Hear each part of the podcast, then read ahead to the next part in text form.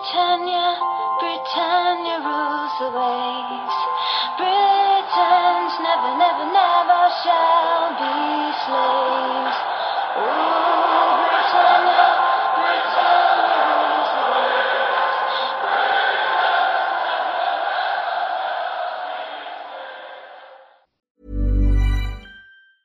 Hiring for your small business? If you're not looking for professionals on LinkedIn, you're looking in the wrong place. That's like looking for your car keys in a fish tank.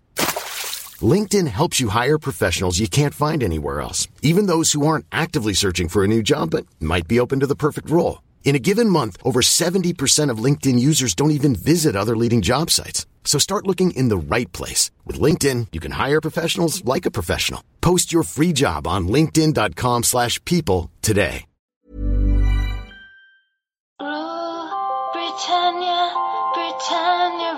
Rules the waves. Britons never, never, never shall be slaves. Ooh, Britannia, Britannia rules the waves.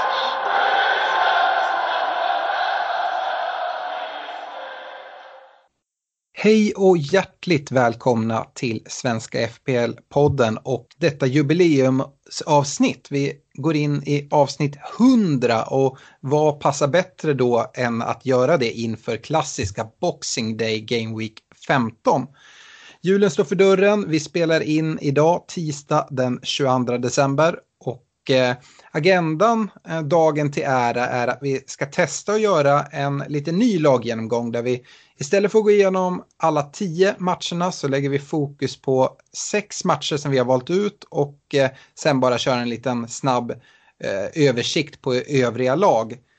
Vi kommer ha en veckans diskussion där vi fortsätter egentligen där vi slutade förra veckan, det vill säga prata Game Week 18 och 19 och blanks och doubles och lite chipstrategi kopplat till det här. Nu har vi haft lite mer tid att, sätta oss in i det här och hur man bäst navigerar igenom det.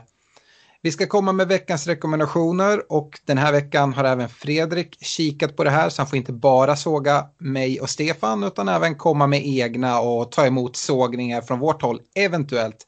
Vi ska ha en kaptensdiskussion och eh, efter den ska vi göra någonting som vi kallar för jubileumsspecial där Fredrik har lite överraskningar till mig och Stefan. Vi får se vad som väntar där och sen avslutar vi med era lyssnarfrågor. Stort tack till Olka Sportresor, Unisportstore.se och Glenn Sportsbar som ser till att vi har så fina priser i poddligan. Eh, vi ska nämna det också, det är tajt med veckorna, eller med matcherna här och game weeksen. Så Eh, tanken är att vi på måndag kör en eh, Facebook livesändning där någon gång runt lunchtid. Vi kommer ut med information på sociala medier om det. Eh, det är ju deadline där på, på måndagen så att Game Week 15 och 16 de går ju nästan in i varandra. Då 15 avslutas på söndagen, 16 startar på måndagen. Så missa inte den. Yes, Fredrik, kan inte du börja med eh, Liverpools överkörning av Palace, en match som slutar 7-0? Ja, det är ju en, eh, också ett resultat att rapportera om. Eh, 7-0. Men jag tycker att vi börjar egentligen innan matchen och det är det intressanta i att det läckte ut ganska mycket på sociala medier dagen, redan dagen innan att Salah skulle vara bänkad. Det var ju rykten då som visade sig stämma sen.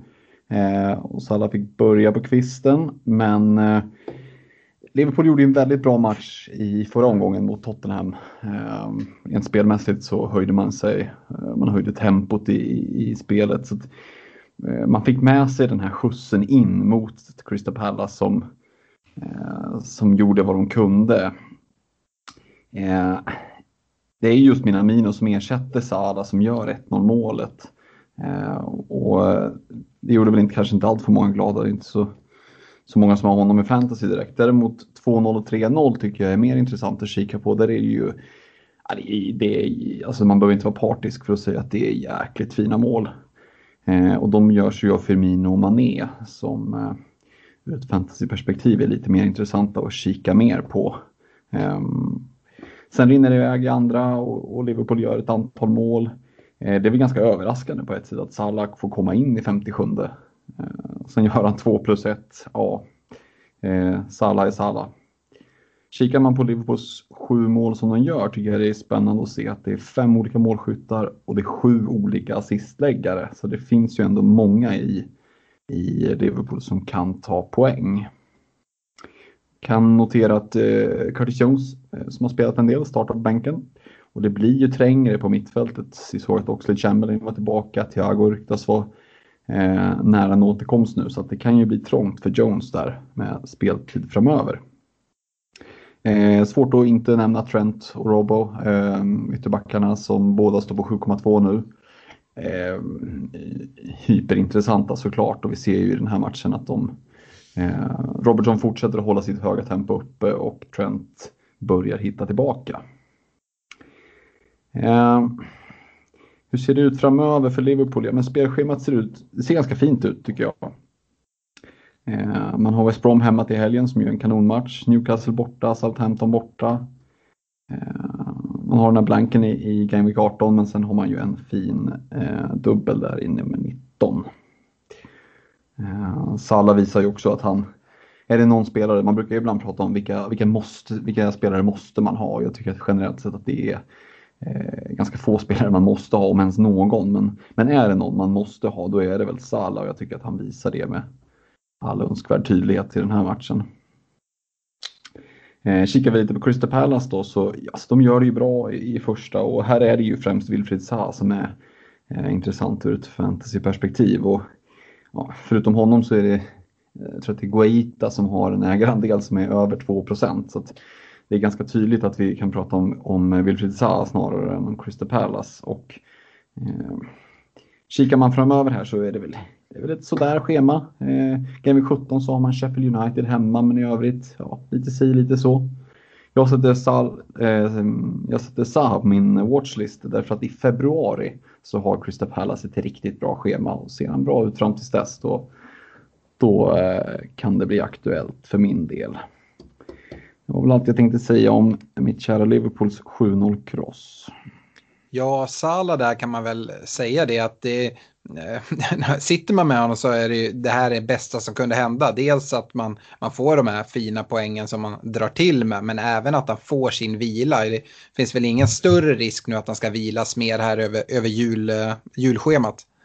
Nej men jag tänker likadant att nu, nu har han fått sin vila. Nu, nu är det 90 eller åtminstone 85 plus som gäller resten av det här tajta schemat. Ja, det är härligt att gå vidare med. Eh, jag såg inte den här matchen i sin helhet och konstaterar bara att det är en eh, expected goal-siffra på 2,56 på Liverpool. Är det någon sån här total överleverans där inte ett läge missas eller ljuger de här siffrorna som de ibland kan göra? Jag, jag tycker att i första halvlek är ganska jämn så att när man går in liksom med 3-0-ledning så är det nästan lite av ett rån för Palace har haft en del chanser och, och Liverpool har satt sina. Man har varit klinisk. Sen rinner det iväg lite i andra när, när Palace börjar känna att matchen är över. Eh, typ som Manchester City brukar göra. När man, man har liksom dödat matchen och så rinner det på bara. Eh, så att jag tycker väl kanske inte att det var inte den överkörningen 7-0 så som man kan tänka sig om man inte sett matchen. Men å andra sidan målen ska göras. Man gör sju mål så det, det, är svårt ja. att, att snacka bort. Absolut. Apropå City så tänker jag att eh, du Stefan kan få berätta om Citys vinst eh, med 2-1 mot eh, Southampton. Och eh, det som du pratar om Fredrik, att det brukar rinna på för City och då kanske vi inte pratar om just den här säsongen va Stefan? Nej, det blev väl 1-0 i den här matchen om ja. jag inte har kikat helt fel. Ja, men, eh, nej, men som sagt, City tar tre viktiga poäng, men eh, ur fantasyperspektiv så är det nog försvaret som är mest intressant. Eh, I alla fall så länge som City saknar sina anfallare och då kanske framförallt Agüero, eh, då Jesus inte riktigt har visat sig eh, vara ja, men tillräckligt klinisk i, i avslutslägena här i, i år. Sen kan man ju bara se att faktum är att hela backlinjen plockar eh, alla bonuspoäng här. Eh, Diaz på tre och eh, de övriga tre i Stones, Cancelo och Walker på två bonus. Så att liksom, dels med, med tanke på att City inte ger lika mycket mål då, då kan det även falla en hel del bonuspoäng på, på backarna vilket gör det än mer intressant. Jag skulle väl säga att säkraste vägen in är Eh, är fortsatt eh, Diaz eh, som har gjort det extremt bra i år här. Cancelo är ett annat alternativ om man vågar ha lite rotationsrisk. Det som är dåligt för honom är ju att han spelar nu eh, ikväll mot Arsenal i, i Carabao Cup. Och det lutar väl åt att han sitter bänk till, till helgen även om han inte kan, kan lita fullt ut på, på Guardiola så, så tror väl jag att det ligger närmast till hans. Eh, för den som är lite mer våghalsig kan man ju även gå för Stones. Eh, faktum är att City inte har släppt in ett enda mål när han och Diaz har spelat eh, ihop i under fyra matcher här. Så att deras partnerskap har varit riktigt bra. och har hållit Laporte borta från, från startelvan. Framåt så är det ju Kevin De Bruynes vara eller icke vara. Det som talar för honom är ju fortsatt att han är straffskytt och en riktigt bra bonusspelare. Eh, men sen är det ju, sen ska man ju väga eh, de som kan ta mycket poäng eh, mot det här och då kan man ju till exempel se att man kan få in en Harry Kane om man inte har honom istället för De Bruyne. Och det blir ju någonstans en avvägning. Jag tycker att Salah och Bruno har visat mer än vad De Bruyne har gjort på mitten. Eh, och har liksom bra matcher och, eh, dubbel omgång som kommer upp här i 19 så att de två går ju före. Sen, sen tycker jag att det står lite mellan De Bruyne och Kane som eh, ja, men förvisso båda har bra matcher eh, här, men, men om jag bara ska jämföra det rakt av så, så trumfar väl Kanes matcher lite, i alla fall om man eh, väntar här efter City har mött Newcastle till, på, på Boxing Day. Sen, sen liksom om det, om Citys eh, anfallsspel så läste jag en ganska intressant jämförelse med, med senaste fyra matcherna, City mot Liverpool, så är det faktiskt City som har skapat eh, flest chanser. Eh, men effektiviteten har varit mycket sämre då. så liksom chanser skapas fortsatt för Citys del. Eh, kikar vi på Southampton så eh, gick ju tyvärr Ings eh, sönder i den här matchen. Finns väl ingen riktigt bra tidsram för hur länge han kan bli borta. Men det som är problematiskt när man drar på sig en skada i det här läget av säsongen är ju att omgångarna kommer väldigt tight. och man kan missa ganska många game weeks på grund av det. Eh, och då är ju frågan hur Adams eh, kommer klara sig på topp utan honom. Eh, som sagt, han kostar bara 6,0. Southampton har en, en dubbelomgång i 19 så att jag tror man ska kika lite på det, hur, hur Adams presterar utan honom. Sen fortsätter försvaret imponera. Stort intresse där med tanke på den här uppkommande dubbelveckan och då är det ju Bednarek och Walker Peters som är mest prisvärda men även McCarthy i kassen är intressant. Eh, och på mittfältet så har vi eh, James Ward-Prowse för 6,3 som ja, men kommer vara en pålitlig spelare med tanke på att han har monopol på fasta situationer för, för Southampton. Och poängen kan trilla in lite, lite när som eh, med sådana spelare. Så att, eh, det är väl det jag ser från Southampton just nu. Ja, gällande Adams där så har vi redan sett tidigare i säsongen här när han fick spela utan Ings. Då tyckte jag han gjorde det bra. Så att det är väl i alla fall eh, Eh, ja, men ett gott tecken för Adams ägare eller de som kikar på, på att plocka in Adams. Jag, jag, jag hade dragits lite för det men eh, nu tycker jag att det stärker caset att han har gjort det bra eh, tidigare. Vi eh, jag tänkte prata United Leeds, en match som slutar 6-2 och eh, det är väldigt kul här. Uh, nu har vi valt bort Arsenal i de här matcherna, men Fredrik, du får prata en 7-0-vinst mot, mot Pallas, jag får prata en 6-2-vinst mot, mot Leeds som uh, är ja, men Uniteds en av de största rivalerna. Så det var en helt galen match och vilken inledning på matchen då. Scott McTominay av alla går och gör två mål på, på bara någon minut.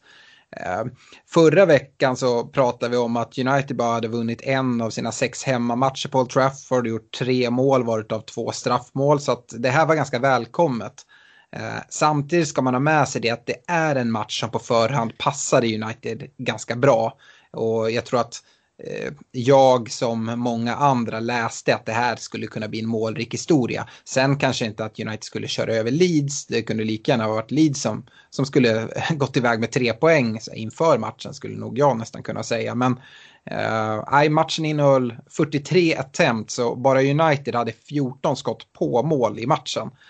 Och eh, i och med den här eh, liksom rivstarten och att United gjorde så pass många mål snabbt så fick ju Bruno Rashford även lite välbehövlig vila genom att bytas ut. Men innan dess så hade ju Bruno eh, levererat bra poäng för alla som hade haft den goda smaken att sätta kaptensbinden där.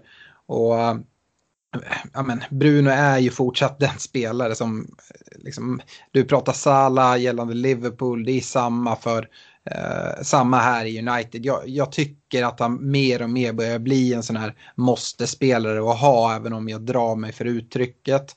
Eh, det är så, han, han har varit inblandad i över hälften av Uniteds mål den här säsongen. Och det är ju så, när United gör mål då, då är han där. Att han lägger straffar, det är liksom bara, bara plus. Och, ja, det finns, finns väldigt få negativa saker att säga, säga om honom. Eh, vi kan även se att eh, en viss Antoni Martial lite sakteliga börjar hitta formen. Nu eh, tre, eh, tre ass i den här matchen. Det blir inget mål men eh, han har gjort tre stycken, ja, men han har gjort fyra ass, eh, fem ass på hela säsongen och ett mål. Då har fyra av de där fem assisten och hans enda mål nu kommit de här två senaste matcherna. Och, och kollar man tillbaka historiskt kring Martial så är det en sån spelare som kommer in i ett stim och kanske är det det han är på väg in i nu. Så att eh, ja, om man eh, vågar eh, chansa lite där och trycka in honom som en mittfältare bredvid Bruno så, så ja, jag säger inte att det behöver vara speciellt dumt. Eh, jag ser även att Luke Shaw fortsätter ta en hel del hörnor. Kanske inte riktigt lika bra resultat som, som vi såg eh, förra veckan. Men eh, det här är väl då det, det negativa som går att koppla till Bruno. För Bruno tog faktiskt bara en av de elva hörnor som United hade i den här matchen. Eh, men, eh, ja, men han tar en del hörnor fortfarande Bruno, men, men Shaw eh, tar en del. Vill man in i Uniteds defensiv av någon outgrundlig anledning så vet jag att eh, folk har börjat diskutera och kolla lite mot Lindelöf som är en billig väg in. Man ska inte förvänta sig offensiva poäng även fast han gör mål i, eh, i den här matchen och hade en assist i förra. Eh, det, det kommer inte fortsätta, det är jag ganska säker på. Men samtidigt, jag tror han är prisad som 4,8 eller någonting. Och ja, det är om man tror att United kommer hålla, hålla nollor här framöver så, så kan det vara en väg. Jag vill även passa på att skicka ut en liten varning för en spelare som jag tidigare har haft lite sådär smygande som kan vara intressant. Och den jag tänker på är då Edison Cavani. Och det är egentligen inte kopplat så mycket till honom som spelare utan det är det här avstängningshotet som kom Eh, för ganska länge sedan då det diskuterades när han gjorde den här Instagram-inlägget om eh, Gracias Negrito till, till en kompis och det blev rasistanklagelser och lite sådana saker. Eh, jag trodde det där lite hade runnit ut i sanden men nu plockade FA upp det och sa att han har fram till januari på sig att komma med något uttalande kring det. Men det, jag skulle gissa att det kommer rendera i en tre matchers lång avstängning eftersom FAs regler är ganska tydliga kring eh, de här bitarna. Så att eh, ja, man vet aldrig med FA, men jag hade inte tagit in Cavani med, med anledning av det här förrän man vet mer kring det här avstängningshotet. Pratar vi Leeds då, eh, så är det ett lag som, som många har tagit in spelare och de har en liksom, eh, fin Game Week 19 med, eh, med double där. Men det är det lag som också har släppt in flest mål i ligan med sina 30 mål. Eh, Bielsa han står dock stenhårt fast vid sitt sätt att spela och även efter den här överkörningen mot United så sa han det att vi, vi kommer inte ändra vårt sätt att spela på. Vi ska såklart se över liksom de misstag som görs men vi, vi ska spela på det här sättet.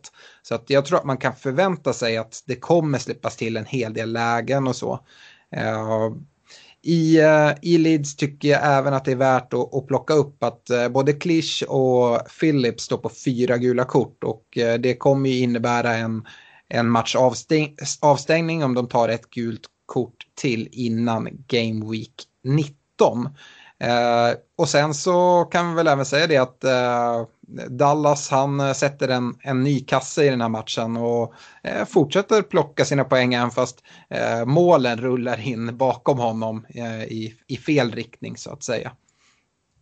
Eh, ja, Bamford, jag vet inte, det är väl den spelare jag tycker i Leeds som är absolut mest intressant och jag kollar fortfarande inte på att byta ut honom på något sätt, även fast han eh, kanske inte är riktigt lika klinisk just nu som, som han har varit eh, i början av säsongen, men det är ganska väntat. Jag tycker fortsatt att han är väldigt, väldigt eh, värd att ha i sitt lag. Fredrik, eh, Chelsea-West Ham vinner Chelsea med 3-0. Mm. Det gör de. Eh, och det här är ju en intressant match. Det är två intressanta eh, fantasylag fast på lite olika sätt. Tycker jag. Börjar vi med Chelsea där så har de ju ett antal spelare som ligger precis mitt emellan mid-price, premium, eh, prissegmentet där. Så kan man hitta någon som är inne i en streak eller gör det bra så går det att få ut ganska mycket värde för pengarna. Eh, till den här matchen kom de ju från den här snöpliga övertidsförlusten mot Wolves med 2-1. Eh, de har ju sett lite vilsna ut offensivt och man det känns som att Lampard har trevat lite efter hur han ska formera sin offensiva trea. Vi ser ju att i den här matchen så är det Abraham som startar eh, centralt. Ehm, och han gör ju två valjer i slutet av matchen men det känns ändå fortsatt osäkert där. Eh, det känns inte som att någon är given egentligen.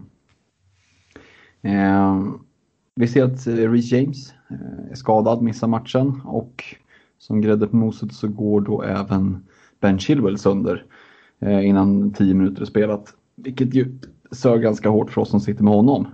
Eh, men sånt är livet så det blir hux flux så är det Aspilicueta och Emerson på kanterna istället. Och det här ställer ju såklart till lite huvudbry för, för många managers. Som, det är ganska många som sitter med eh, antingen en av dem eller, eller båda två. Eh, så där bör man ju absolut kika på. Och, Eh, ersätta dem tycker nog jag i och med att, precis som Stefan var inne på, att matcherna duggar ganska tätt eller framförallt omgångarna duggar väldigt tätt. Eh, det var spännande att se Mason Mount, eh, att han ändå är så pass aktiv på fasta situationer. Han är ganska långt fram i banan och delaktig i spelet. Eh, han har ju ett lite så här, en liten svår prisklass men ändå någon att ha på, på watchlisten och hålla koll på det som oroar mig lite det är ju det här att Kai Havertz finns. Eh, om än att han har varit ganska urusel när han har lirat så kom han med en ganska, ganska stor prislapp och han kommer ju att få sina chanser att spela in sig. Eh, Timo Werner fortsätter att missa och ribbskottet i slutet tycker jag ja, var ganska signifikativt för att han behöver väldigt många chanser för att göra sina poäng och eh, ja, jag tycker att han är lite för dyr i dagsläget för min smak. Eh, spelschemat framåt här för Chelsea, Arsenal borta, Villa hemma, City hemma. Det ser väl inte sådär superinbjudande ut. Man blankar i 18 då. Sen har man ju visserligen en ganska trevlig double i, eh, i Game Week 19 där med Fulham Leicester borta. Eh, sitter man med hela och fräscha Chelsea-tillgångar då hade jag nog inte gjort mig av med dem. Men eh, de här två ytterbackarna som är skadade där kommer i alla fall jag själv att se mig om efter alternativ. Kikar vi lite på West Ham då som ju då är intressant, fantasyintressant på, på ett annat sätt. Där har vi ju väldigt mycket eh, intressanta budgetspelare. Eh, så gör ju de en ganska bra match tycker jag. Eh, jag tycker att 3-0 är väldigt missvisande. West Ham hade mycket väl kunnat fått med sig eh, en pinne om man hade varit lite mer kliniska i sista tredjedelen här. Eh, man skapar ju mycket halvchanser, kanske inte så mycket tydliga målchanser men Sebastian Haller spelar ju och det tycker jag är, är intressant ur den aspekten att med han och Zuzek på plan så har man ju två fyrtorn.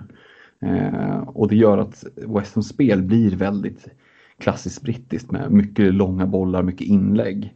Eh, och det gynnar ju den här checken, eh, Sofall tror jag, tror jag att det ska vara, i och med att det är ett C utan sån här liten eh, grej ovanpå.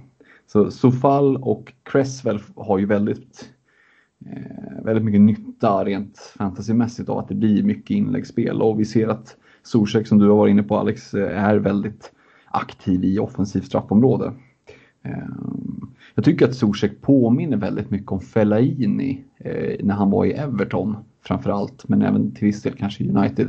Eh, och då var det ju även David Moyes där de fem åren som Fellaini var i Everton som tränade honom så det känns som att han har hittat en ny ny Fellaini i Thomas Zuzek. Ehm, spelschemat ser bra ut. Brighton hemma, Southampton borta, Everton borta. Inga konstigheter. Man blankar i 18. Så har man en eh, riktig mumma double game week med Burnley och West Brom hemma i 19. Och då tänker i alla fall jag sitta med minst en Western försvarare Eh, Kanske två till och med. Mm. Mm. Ja, vi kan, kan vi säga det också där eh, Sebastian Haller har, har gjort det bra. Samtidigt har Mois varit ute och sagt det att eh, Antonio han är tillbaka och, och tränar nu. Eh, och de hoppas ha honom tillbaka väldigt snart. Sen så vad det kommer innebära, ja men det är väl ganska svårt att sia om. Som sagt, Haller har gjort det bra. Men eh, ja, Antonio ska ju in där i mixen på något sätt. Eh, kan väl även säga det att Lampard var ju ute och pratade om eh, både Reece James och Chilwell och eh, hade väl förhoppningar om att det inte skulle vara allt för, för farligt. Så det, är väl, det är väl vettigt att i alla fall invänta senare här på veckan närmare deadline se om vi får några mer tydliga besked om eh, hur länge de är borta eller om de faktiskt till och med skulle kunna vara tillbaka till helgen. Det låter väl lite väl optimistiskt men eh, jag tror eh, man kanske inte ska vara allt för snabb på att avtrycka knappen där om man inte har någon generell plan kopplat på det. Nej men så är det ju såklart. Eh, säger, säger han att de i princip nästan är redo för helgen då, då håller man ju. Men just med tanke på att säger han att men, de är borta tre, två, tre veckor då blir det ja. ganska, ganska kännbart att sitta och hålla på dem och de är ändå relativt dyra så det blir mycket pengar att ha på bänken tycker jag. Verkligen och det kommer bytas ut en hel del. Det kan finnas en del värdeminskning. Även om man har uppbyggt värde så kanske det kommer sjunka ändå. Mm. Eh, Stefan, eh, Spurs-Leicester eh, vinner Leicester med 2-0. Ja, precis. Och eh, Mourinho han var ju väldigt bitter efter förlusten mot Liverpool där han tyckte att de hade bra lägen, framförallt i andra halvlek. Och det är kanske så att den bitterheten spelade över lite till den här matchen för de gör återigen en ganska svag eh, insats skulle jag säga. Eh, och eh, tycker väl att Leicester ja, men inte alls ska skämmas för att komma iväg med, med den här segern. Faktum är att, att Tottenham bara har gjort fyra mål på de senaste fyra omgångarna, men trots det så är det ju firma Kane och Son som intresserar mig mest här vid jul för att matcherna är så pass fina som de är. Så att Eh, formen kanske inte riktigt är där offensivt sett, men eh, det finns alla möjligheter eh, till att den kommer tillbaka nu då kommande, kommande veckor om man ska kika någonting bakåt så är det väl fortsatt Reguljon som, som mitt val faller på. Men eh, som sagt, jag är inte helt övertygad. Jag tycker inte att ja, men, han har inte visat upp jättehög eh, kapacitet eh, på offensiv, eh, offensiva poäng och heller inte på bonuspoäng. Och jag har ju dragit lite i pris och kostar väl nästan 6 miljoner. och då tycker jag att Chelsea-backarna, nu är det väl bara Zuma som är frisk, men att de är ett bättre val. Kikar vi på, på Leicester så Ja, men Vardy fortsätter ju leverera eh, och det finns väl egentligen ingen anledning till att byta ut honom. Eh, han har framförallt eh, var, varit bra på bortaplan eh, och eh, de har en hel del bortamatcher här vid jul, förutom United som de ska möta nu eh, härnäst. Men, men som sagt, eh, där kanske det också blir en match som de inte kommer föra helt och hållet i alla fall och att det kanske finns lite ytor för, för Vardy att spela sitt eh, spel på. Eh, sen tycker jag även att Madison har sett fin ut. Eh, jag är inte helt övertygad eh, med matcherna men, eh, som är, men, men samtidigt eh, och att det finns andra lag som samtidigt har en enklare dubbel gameweek än vad de har i gameweek 19. men hans form är definitivt på på uppgång. Eh, och bakåt sett så fortsätter ju Justin imponera eh, och var ytterst nära eh, tvåsiffriga poäng här då Madisons eh, mål hårfint döms bort för en, för en var offside som, ja, som kändes väldigt tajt. Eh, dessutom ska man eh, lägga till märke att Kastanj var tillbaka här nu och fick fick snöpliga 59 minuter men, men kan ju dock vara värd att hålla koll på framöver då han var väldigt bra när han var hel spelade. Ja, eh, vi kan väl konstatera nu att jag, Fredrik får sitta och götta sig och prata om Liverpool stor seger. Jag får prata om en eh, skön rivalvinst, en rejäl överkörning av Leeds. Och, eh, ja, du kan inte, kan inte glädja dig så mycket åt Arsenal, men, men du får i alla fall prata om en Spurs-torsk, Stefan. Nej, men det här får gärna fortsätta. De får gärna fortsätta torska matcher på löpande band här. Så. Eh, men, men som sagt, jag har ingen styrkeposition i den eh, debatten just nu. Nej, verkligen inte. Eh, och vi hade en diskussion om vi skulle ha med Arsenal här, men jag propsade på ganska hårt för nu ska vi göra den sista matchanalysen då och det är West Bromwich Villa, en match Villa vinner med 3-0. Jag tycker det finns en hel del att säga och då är det kanske inte Sam Allardyce grabbar jag pratar om framför allt utan det är Aston Villa. Eh, Villa har nu vunnit fem av sina sex bortamatcher eh, den här säsongen och alla de här vinsterna har man hållit nollan. Eh, I den här matchen ska man väl ha med sig att de var en man mer i nästan en timme.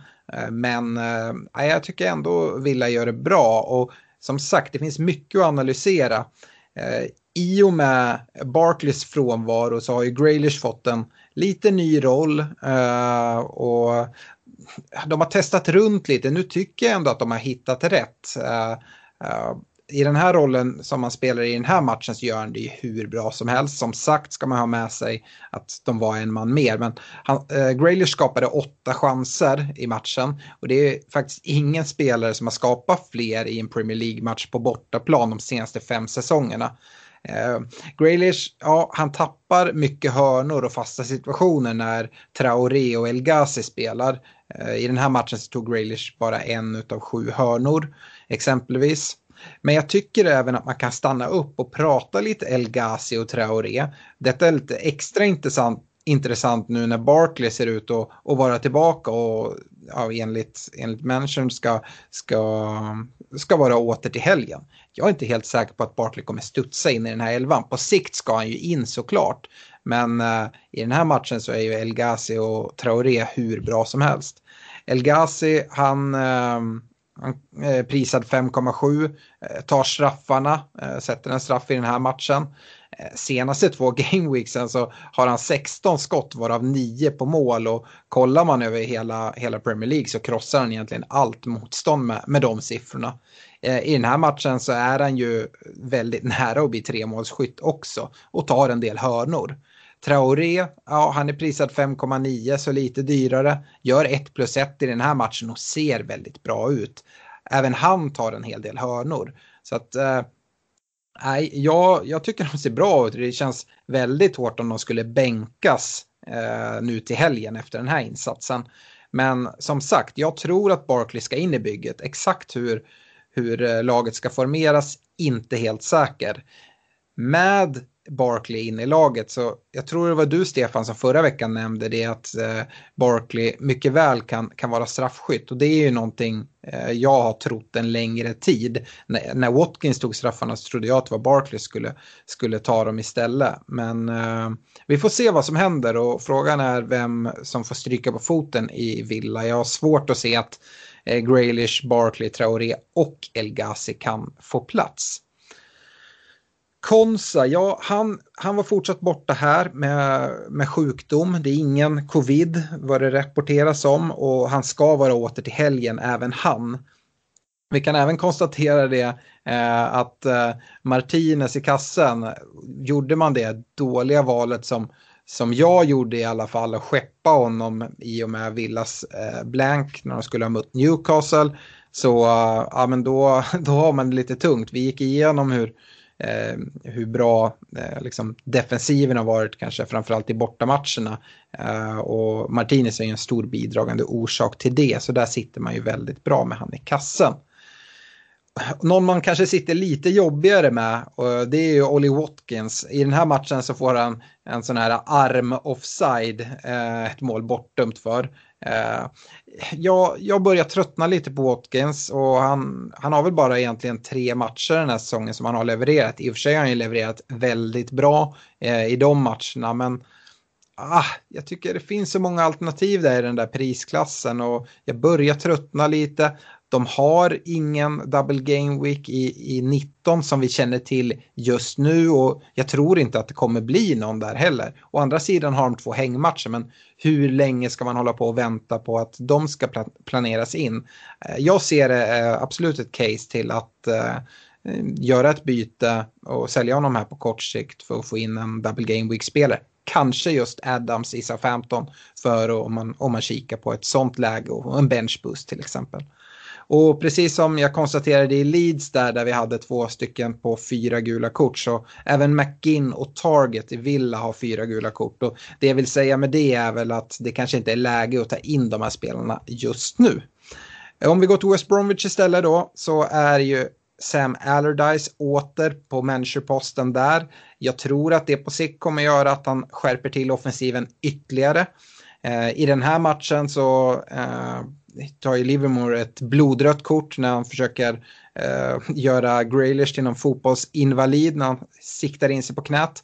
Eh, men Liverpools röda tror jag kommer faktiskt vara ganska rejält negativt för West Bromwich defensivt sett. Och vilka gläds åt det? Jo, Mohamed Salah-ägare skulle jag nog säga då. Det är Liverpool som väntar nu till helgen. Men han kommer även missa matchen mot Leeds och Arsenal. Så eh, Eh, en spelare som Bamford kanske kan dra nytta av det också. Eh, vi kan konstatera att Pereira är tillbaka från avstängning från sitt röda kort, men det stärker ju knappast upp eh, West Bromwich defensiv. I övrigt tycker jag inte det finns så mycket fantasyvärde i West Bromwich utöver Johnstone i kassan som mycket väl kan vara en bra andra keeper om man vill spela bench boost i Game Week 19. Det var de matcher vi skulle gå igenom, men samtidigt tycker jag att vi försöker köra någon liten snabb uppsamling av eh, de fyra matcher vi inte har, har pratat någonting om. Och Stefan, om du börjar, har du någonting du snabbt vill, vill skjuta in? Nej, men jag tycker Burnley har imponerat eh, en hel del här på slutet. Eh, hållit det tätt bakåt och har fina matcher. Eh, så att jag, tycker, jag vill höja ett slag för Charlie Taylor för 4,5 bakåt och och eh, ja, men eventuellt en, en Wood framåt för 6,2 med, med fina matcher och en dubbel eh, här skulle kunna vara ett eh, alternativ för eh, Watkins-platsen där. Ja, det, det, har även talats en del. Eh, United spelar ju eh, ligacup-match mot Everton imorgon. Och eh, lite på grund av, eller beroende på utfall i den matchen, skulle det kunna vara så att United Burnleys match som är är en hängmatch, att den trycks in här inom kort. Den skulle kunna hamna i, i 18, Game Week 18 eller Game Week 17 till och med. Men det är väldigt oklart och eh, vi får helt enkelt se. Men eh, där finns ju den möjligheten i alla fall. Men vi borde få, få besked om det väldigt, väldigt snart och i så fall efter morgondagens match tänker jag. Ja, Nej, sen tycker jag det blev ju ingen nolla här nu, nu mot Wolves, men, men liksom prestationen fanns där och det var en onödig straff som orsakade eh, att de inte höll nollan. För i övrigt så släppte de inte till speciellt mycket chanser mot, eh, mot Wolves. Nej. Är det något från de andra matcherna du vill, eh, vill flagga upp? Ja, men jag tycker väl eh, liksom, det är svårt att inte prata Wilson. Jag tycker att eh, liksom, det är svårt matchschema, men, men jag har svårt att se någon som är så pass, eh, levererar så pass konstant som honom och liksom allt som oftast även plockar tre bonus när, när han väl gör någonting. Så att, jag tycker han ser jättefin ut. Mm. Newcastle åkte ur ligacupen idag efter torsk mot Brentford och Wilson spelade 90 där men eh, han lär ändå spela, spela till helgen tänker jag. Är det någonting du Fredrik vill, vill lyfta här gällande de lag vi inte har gått igenom? Ja, men det, det är svårt också tycker jag bortse från Dominic Calvert-Lewin. Eh, även om eh, matchen som han spelade i kanske inte ska nämna så mycket om. Men har man blankat två av 14 omgångar och resten har man presterat någon form av poäng i, då, är man, då har man bra nivå på det man levererar. Så jag tycker att Calvert-Lewin är, är värd ett omnämnande i alla fall. Mm, absolut, Everton har ju som sagt match mot United imorgon och det har gått lite snack också om att eh, James Rodriguez eventuellt skulle kunna vara eh, matchredo här. Det tror jag är någonting som också gör att eh, caset för Calvin Lewin kanske stärks ytterligare och, och det kanske inte ens behöver stärkas men jag tror att det är någonting Everton eh, skulle må bra av att, att få tillbaka. Eh, men då har vi gjort en summering av de matcherna och Eh, ska gå vidare till veckans diskussion. Och eh, det är ju den här eh, Game Week 18 och 19 som egentligen alla fantasy managers har liksom på näthinnan och planerar för. Och hur ska man använda chipsen? Och det kom ju så kort in på vår, vår inspelning av förra avsnittet och jag tänkte att vi kanske nu har gjort en lite bättre analys och hur man bäst tar sig igenom det. Om jag börjar där så för de, de eh, personer som sitter kvar med sitt wildcard, ja, men där tycker jag strategin är ganska, ganska given. Att dra sitt wild, första wildcard eh, inför Game Week 16 eh, och sen så eh, spela free hit 18 och i, i wildcard då bygga för, för Game Week 19. Men kanske inte helt glömma bort de här eh, bra spelarna eh, som har single Game Weeks heller. Uh, och så en benchboost då i 19. Uh, är det lika självklart för, för dig Stefan om man nu sitter med, med alla chipsen kvar? Ja, men det tycker jag att det är ett bra, bra användning av chippet där. För att det är många eh, som har double game week i 19 som man vill sen äga efter eh, den double game weeken också i liksom Sala och Bruno och, och så. Mm. Uh, om du skulle sitta i den situationen, Fredrik, uh, och, och, dra ett wildcard i, i Game Week 16, hur hade du gjort med, med en spelare som Kevin De Bruyne som inte har dubbel i 19, men där City har väldigt fina matcher? Hade du helt gått utan City eller hur hade du resonerat? Ja, det är ju en bra fråga. Det, det beror lite på också hur, hur man har tänkt sig med chipsen. Alltså, säg att du drar ett, ett eh, wildcard i Game Week 16, tänker du då att du, att du spelar ett free hit i Game Week 18. Free hit i 18 och då förmodligen tripplar upp City i den matchen men sen i så fall därefter om man då mm. sitter utan. Och då hade jag kanske övervägt mer att lämna honom därhän. Mm. Eh, Medan om jag inte hade haft free hit kvar och, och behövt spela Game Week, Game Week 18 så hade han ju varit given. Så att, mm. nej men absolut, han kan absolut vara en möjliggörare. Och de pengarna kan finansiera mycket annat gott. Mm. Om det här är liksom den självklara chipstrategin. Det är klart att man inte måste göra så här, men det är så jag hade gjort om jag hade suttit med wildcard. Men, men det har jag inte. Och har jag inte mitt wildcard men alla de andra chipsen kvar som, som det ser ut för mig och säkert många andra, eh, då tycker inte jag det är riktigt lika självklart. Eh, vid en första anblick så kändes det som givet att man skulle eh, köra lite samma Eh, samma tanke som wildcard-lagen att, att nu bygga för Game Week 19 och köra en free hit 18. Eh, Stefan, hur, hur resonerar du, du? Tycker du det ändå är det absolut eh, bästa läget? Ja, för mig är det solklart, för jag äger till exempel varken Wilson, eh, Calvert Lewin eller Kane eh, framåt. Eh, och det är spelare som jag alla kommer vilja ha i, i, eh, i vad heter det, 18. Eh, Så att för mig är det ganska solklart eh, att eh, dra free hit där. Jag har dessutom för få spelare som, som har match i Game Week 18 så att jag kommer göra det. Mm. Hur resonerar du där Fredrik? Nej, men jag kommer nog att landa i ungefär samma slutsats men jag skulle vilja bredda diskussionen lite. Vi har ju fått information om att det högst sannolikt kommer att bli ytterligare en double game week i 26. Ja, eh, och, och att det ytterligare... även kommer vara en ganska stor eh, double game week i 26 Precis, och sen kommer det förmodligen då en blank game week i 29 eh, och Det här är ju intressant att det kommer en, först kommer det en, en blank i, i 18, en double i 19 och sen kommer en double direkt inpå. Eh, så det är två double game weeks där 19 och 26 innan vi går över i den blanka 29.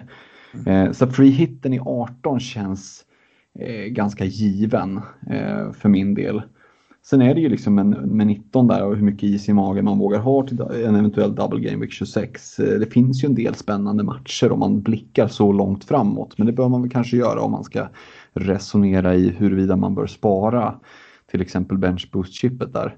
Mm. Eh, men det är klart att det finns ju ett par matcher där som får det att vattnas lite i munnen. Men eh, ja, Eh, free hit i 18 och sen eh, kommer jag nog att landa i bench boost 19. Men, men eh, vi, vi, får se lite. Det, det beror också lite på när man väl sitter med laget. Det är lätt att ha en strategi nu. Eh, man vet inte hur det kommer att se ut med eh, skador som kommer tätt inpå etc. etc. Så jag mm. kommer att dra mitt chip ganska sent eh, för att kunna liksom ta bort fingret från avtryckaren ifall jag känner att det inte känns hundra för då kommer jag att spara det till den, den som ser ut att bli Double Game Week 26 i så fall. Den stora fördelen jag ser med att nyttja Bench Boost i Game Week 19 det är ju att det finns ganska, ganska ja, men det finns ett gäng lag som har bra eller relativt bra eh, dubbelveckor med, med billiga spelare för att fylla upp sina, sina bänkplatser med. Eh, som ja, men West Ham har varit inne på, Leeds har varit inne på, båda de har väldigt bra double game week. Southampton med liksom, ja, men Adams exempelvis och deras, deras försvar. Eh, vi har en Johnstone i West Bromwich målet som en andra målvakt som man skulle kunna ta in. Eh, så det, det är en väldigt stor fördel tycker jag eh, för det här. Det som är lite jobbigt då när man ska bygga däremot, det är ju att men, de bytena som är fram dit, det kommer förmodligen för väldigt många bli tvunget att fokusera på de bänkspelare man har. Man kanske, inte, man kanske behöver göra ett målvaktsbyte på sin andra målvakt och sen så kanske man Eh, efter den här dubben vill gå tillbaka och ha ett och göra liksom ett målvaktsbyte igen på sin andra målvakt och att det liksom är många eh, byten som ska offras där. Eh, hur resonerar ni kring, kring de här bitarna om vi börjar med dig Stefan? Eh, nej, men som det, jag tror man ska kolla på sitt eget lag. Eh, nu, nu har jag liksom, jag har inte så mycket problem med mitt lag och eh, liksom ser inte vilka riktigt jag skulle byta ut. Så att eh, Ja, men det är rätt rimligt. Jag tror att jag kan få ihop ett eh, Double Game Week-lag eh, där alla spelar eh, Game Week 19 utan minus. Eh, sen kommer det säkert inte bli så för att det kommer säkert bli någon, någon skada eh, och så. Eh, och om det liksom funkar och lirar då kommer jag gå för det. Eh, men har man för många byten eller att man får för mycket skador och så, då kan man ju eh, som sagt bara sätta ut ett riktigt, riktigt bra, en riktigt, riktigt bra elva Eh, och eventuellt dra triple captain om, om man har feeling för det eller bara eh, ja, men, eh, hålla sina chip, tycker jag, i 19. Ja, jag tycker att om man, koll, om man fingrar mot triple captain-chippet istället för bench boost i, i Game Week 19 då tycker jag att Salah är en spelare som, som verkligen sticker ut. Och, eh, det är United och Burnley som ska mötas hemma på Anfield. Uh, som sagt, dubbla hemmamatcher. United, ja men det är kanske ingen liksom, walk in the park men fortfarande ändå en rätt, rätt okej okay match eh, för Liverpool hemma på Anfield, Anfield tycker jag. Sen så det jag också noterar det är att eh, Liverpool har det mest fördeliga, fördelaktiga spelschemat. De spelar söndag, torsdag den här dubbelomgången. Så att det är ändå rätt bra med vila däremellan. Så att risken för, för allt för stor rotation men jag, jag tror att Salah kommer starta mot Burnley. Mot United kommer han självklart starta om han är frisk och inte avstängd. Men, eh, men mot Burnley tror jag också han kommer starta faktiskt. Och just nu när han fick den här vilan också. Nu är det ett tag kvar fram till Game Week 19 men aj, ja, det är i alla fall min, min tanke just kring hur, hur många dagars vila det ändå är mellan söndag och torsdag. Där. Um, I... Uh, i det här så är det väldigt lätt att liksom glömma bort de här single game week-spelarna. Eh, det är ju ändå eh, tio lag som, som har single game weeks och eh, eh ja men kanske framför allt så City är där, vi har Spurs och vi Aston Villa, Everton.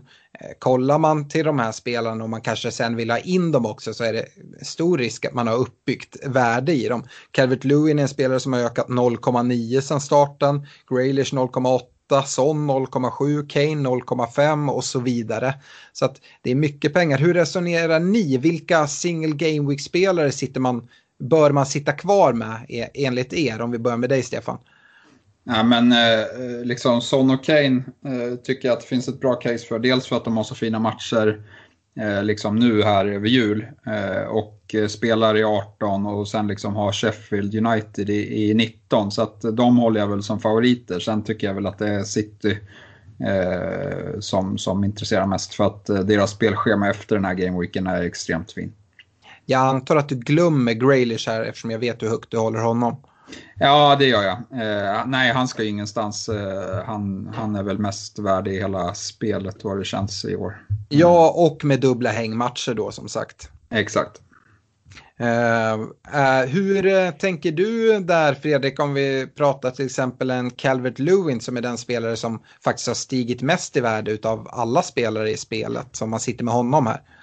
Nej, men jag tänker så här också vi gör det nu och det är väldigt lätt att ryckas med och fokusera väldigt, väldigt mycket på de här blank och double game week. Men eh, jag brukar också försöka tänka att man ska liksom inte förstöra sitt lag allt för mycket eh, utifrån de här gameweeksen bara. Utan eh, är det spelare som, som, eh, som är i bra form, som levererar, då håller man dem. Speciellt utifrån att man har ett uppbyggt värde men också för att man kommer vilja ha dem förr eller senare sen ändå. Mm. Eh, och sen så vet vi också det att bara för att du inte har en superbra match på pappret så kan du fortfarande leverera. Eh, så att jag, eh, en sån som, som eh, Calvert Lewin ska ingenstans, i alla fall inte från mitt bygge. Nej, han har ganska bra matcher där. Eh, det är Villa i Game Week 19, sen är det Leicester, Newcastle, Leeds, United, Fulham. Så att ja, det finns verkligen ett case att, att sitta kvar med honom, speciellt om man har suttit med honom eh, sen starten som faktiskt många, många har gjort och det uppbyggda värdet där om man sen ändå tänker att man vill ha in honom eh, lite senare. Eh, en sak vi inte har diskuterat det är de som, precis som vi, redan har dragit sitt första wildcard. Men vid det här läget har man ju faktiskt eh, fått sitt andra wildcard. Jag är absolut ingen som förespråkar att, att dra ett eh, Eh, ett, sitt andra wildcard redan här och bygga för en riktigt bra benchboost. Men är det någonting som ni tycker kan finnas ett case för om man, eh, ja, och i så fall i vilket läge? Va, vad säger du Stefan? Ja, men eh, det kan ju vara så att man sitter med ett lag som eh, funkar jättebra för Game Week 18. Eh, och då kan man ju köra på det liksom fram till dess och sen att man drar wildcard för, för Game Week 19. Då, för att där, liksom, de två veckorna lirar inte så mycket med varandra. Så, så gör man det så tycker jag absolut att det, det finns ett case. Då har man ju free hit kvar till, till senare. Så nej, det, det, tycker jag kan vara en strategi om, om det ser ut så för, för ens lag. Då. Då har man ju eh, i och för sig även bench boost kvar. Jag tror att det många i så fall kollar på det kanske är att dra ett wildcard redan i Game Week 17, använda free hit 18 och sen så en bench boost i 19 för man då har byggt för det. Men det tycker du ja. inte är lika vettigt? Nej, alltså jag hade inte velat bränt alla mina chip på de här eh, två gameweeksen för det kommer komma problem eh, längre fram. Eh, det vet vi. Eh, mm. Så att, nej, jag hade inte dra, lagt alla, alla kort på de här eh, veckorna. Hur resonerar du Fredrik med det här andra wildcardet som blir, blir tillgängligt från Game Week 16? Ja, men till skillnad från det första wildcardet som jag plockade väldigt, väldigt tidigt eh, så tänker jag nog precis som Stefan hålla lite mer på det. Jag tycker att det är eh, en trumf att ha på hand. Då är jag hellre är mer liksom benägen att laborera och, och gambla lite med, med en benchboost till exempel. Och sen sitta och hålla lite på, på wildcardet. Vi vet ju inte hur det ser ut eh, längre fram och det kan ju mycket väl vara att det kommer alltifrån covidfall till, eh, till att vi får ytterligare blanks och double game weeks. Så att, eh, det andra wildcardet tänker jag så långt jag kan spara faktiskt. Mm. Jag, jag, är, jag är helt enig med er här. Jag tycker att det är läge att, att spara det. Eh, men eh, jag förstår att man kan, man kan lockas av att dra det. Eh, och där får man göra, göra en övervägning själv. Det viktiga är oavsett hur man gör att man verkligen tänker över sina beslut och, och planerar för det helt enkelt. Eh, vi lämnar den diskussionen där. Eh, vi kommer säkerligen återkomma till den. Eh, men nu ska vi gå vidare med veckans rekommendationer. Och eh, vi börjar med försvarsrekar och eh, jag börjar väl med mig själv här. Eh, Förra veckan eh, hade jag Chilwell, Diaz och Trent i Liverpool. Eh, jag, jag väljer att stryka Chilwell i det här läget och eh, då på grund av hans skad, ankelskada. Eh, vi får väl avvakta och se vad som har hänt. Men eh, nu vet jag inte vad du Fredrik sa hur det skulle uttalas, men jag ersätter med, med Sofal, va? Var det? Ja, Sofal. Det, jag, jag, googlade mig fram tjeckiskt uttal här och, och C utan sån här liten apostrof ovanpå ska tydligen vara TS som i SAR. Mm. Sen får väl våra tjeckiska lyssnare rätta oss om vi har fel, men, men jag tror att det ska vara ett, ett Sofal. Ja, och det är en spelare jag redan har tagit in i mitt privata lag och eh, en spelare jag verkligen brinner för inför den här double game weeken då West Ham har fina, fina matcher och eh, jag tror han har fina chanser. Dessutom billig, jag tror han är prisad 4,6 eller något sånt. Eh, Stefan, eh, senast så eh, Eh, hade du Robertson, Chilwell och Dallas som hängde lite löst tror jag att du sa. Eh, nu har han gett dubbla returns här sen vi spelade in senast. Ja, nej, precis. Men det som, det som har varit bra med honom är att han har ju presterat, eh, eller han har kommit till offensiva lägen eh, egentligen hela, hela hösten här. Nu har han fått bra utdelning på det senaste gameweeksen. Eh, så det är liksom, det kanske är välförtjänt på det sättet, men, men jag tycker fortsatt att deras defensiv eh, oroar mig. Eh, men nu fick jag en skada på Chilwell och därför ja, men får Dallas vara kvar fortsatt och eh, Chilwell ersätts av eh, Sofal då, eh, som, som det, vi har pratat om ja, men jag, tycker, jag tycker han ser sjukt fin ut och, och kollar man nu liksom mot Chelsea här, han är ju solklart högst på bonusrankingen i, i West Ham. Så att, nej, både assist och bonuspotential 4,6. Med de fina, den fina dubbelveckan så är han en no-brainer för mig. Ja, Fredrik, eh, du ska komma med dina första rekar här. Eh, leta Letar sig så fall även inför dig. Ja, men det är ju givet. Det, det finns ingen anledning att eh, övertänka eller spela smart utan är det någonting som är, som är givet då är det bara att ta det för vad det är, att så fall är given. Eh, så det, det, är ett självklart faktiskt första val i, i eh, defensivreken. Eh, sen så för min egen del så fyller jag på med Trent och Robertson. Eh, jag tycker att båda ser så pass intressanta ut att jag kikar lite, lite löst emot en en uppdubbling i mitt privata lag. Nu ska jag kunna få till det. Men, men, eh, ja, men eh, jag tror att båda de två kan komma igång här och Liverpool har en del intressanta matcher utifrån att kunna hålla nollan och de kan ju även leverera offensivt. Så att, Trent, Robertson, Sofall. Ja, det är fina, fina försvarare. Eh, jag förväntar mig då att du helt skippar premium mittfältare här i, i mittfältsreken. Du kan, kan faktiskt få ta dem först. Ja, men jag ska göra dig glad Alex och reka en, en, eh, eh, någon som du har pratat mycket om. Det är ju Zuzek i, i, eh, i, i West Ham. Han är också tjeck och stavar med C, men det C har en liten sån här apostrof på. Då ska det tydligen vara tjudet. Så tjeckiska har jag, jag har lagt ner mycket tid på den här veckan. Eh, men jag tycker Zuzek utifrån eh, hur han spelar i West Ham är überintressant. Han är mycket inne i i offensivt straffområde och är ju ett ständigt hot på huvudet. Så att eh, Zuzek ska in. Eh, jag tycker även att Jack Grealish är ett, en given rek. Sitter man inte med honom då bör man ta in honom och bara hålla honom för han är så pass bra. Eh, det, det, är liksom, det är inget snack. Sen eh, ska jag väl erkänna att jag kliver in lite på, på premiumspåret men det är med Bruno Fernandes eh, samma sak där egentligen. Eh, ord är överflödiga, har man inte honom, ta in honom. Mm. Det finns inte så mycket att säga om de rekarna. Jag, jag backar ju dig. Från förra veckan så hade jag Bruno, Kevin De Bruyne och Grealish. Eh, jag ska faktiskt eh, vinka hej då till De Bruyne. Vi har tidigare varit inne på det att ja, men jag kan inte sitta med reka med Bruno, De Bruyne och Sala. Nej, det kanske man inte kan, men då får väl Kevin De Bruyne stryka på foten. För, för mig just nu så, eh, ja men Sala går före De Bruyne. om jag skulle, nu sitter jag med alla tre utav dem.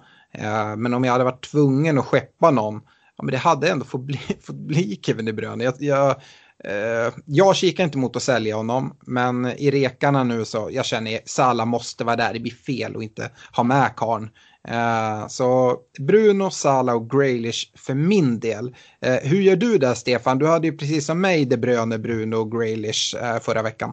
Nej, men jag tänkte på samma sätt. Sen tycker jag att det är liksom skumt att, eh, som Kevin De Bruyne nu, som minskar i värde eh, inför en hemmamatch mot Newcastle eh, det, och att folk säljer honom. Eh, det har jag svårt att förstå eh, faktiskt. Men, men jag tycker som sagt att Bruno och Sala ja, men är i bättre form just nu, eh, spelar i lag som, som gör mer mål eh, och Eh, ja, men fick eh, båda välförtjänt vila här senaste gameweeken. Så att eh, eh de, de trumfade Graylish ser fortsatt eh, extremt intressant ut. Ja. Går vi vidare på anfallsrekarna, Stefan, så satt du med Kane och Bamford förra veckan. Ser du någon anledning att göra någon justering här? Nej, de, de, de sitter kvar de också.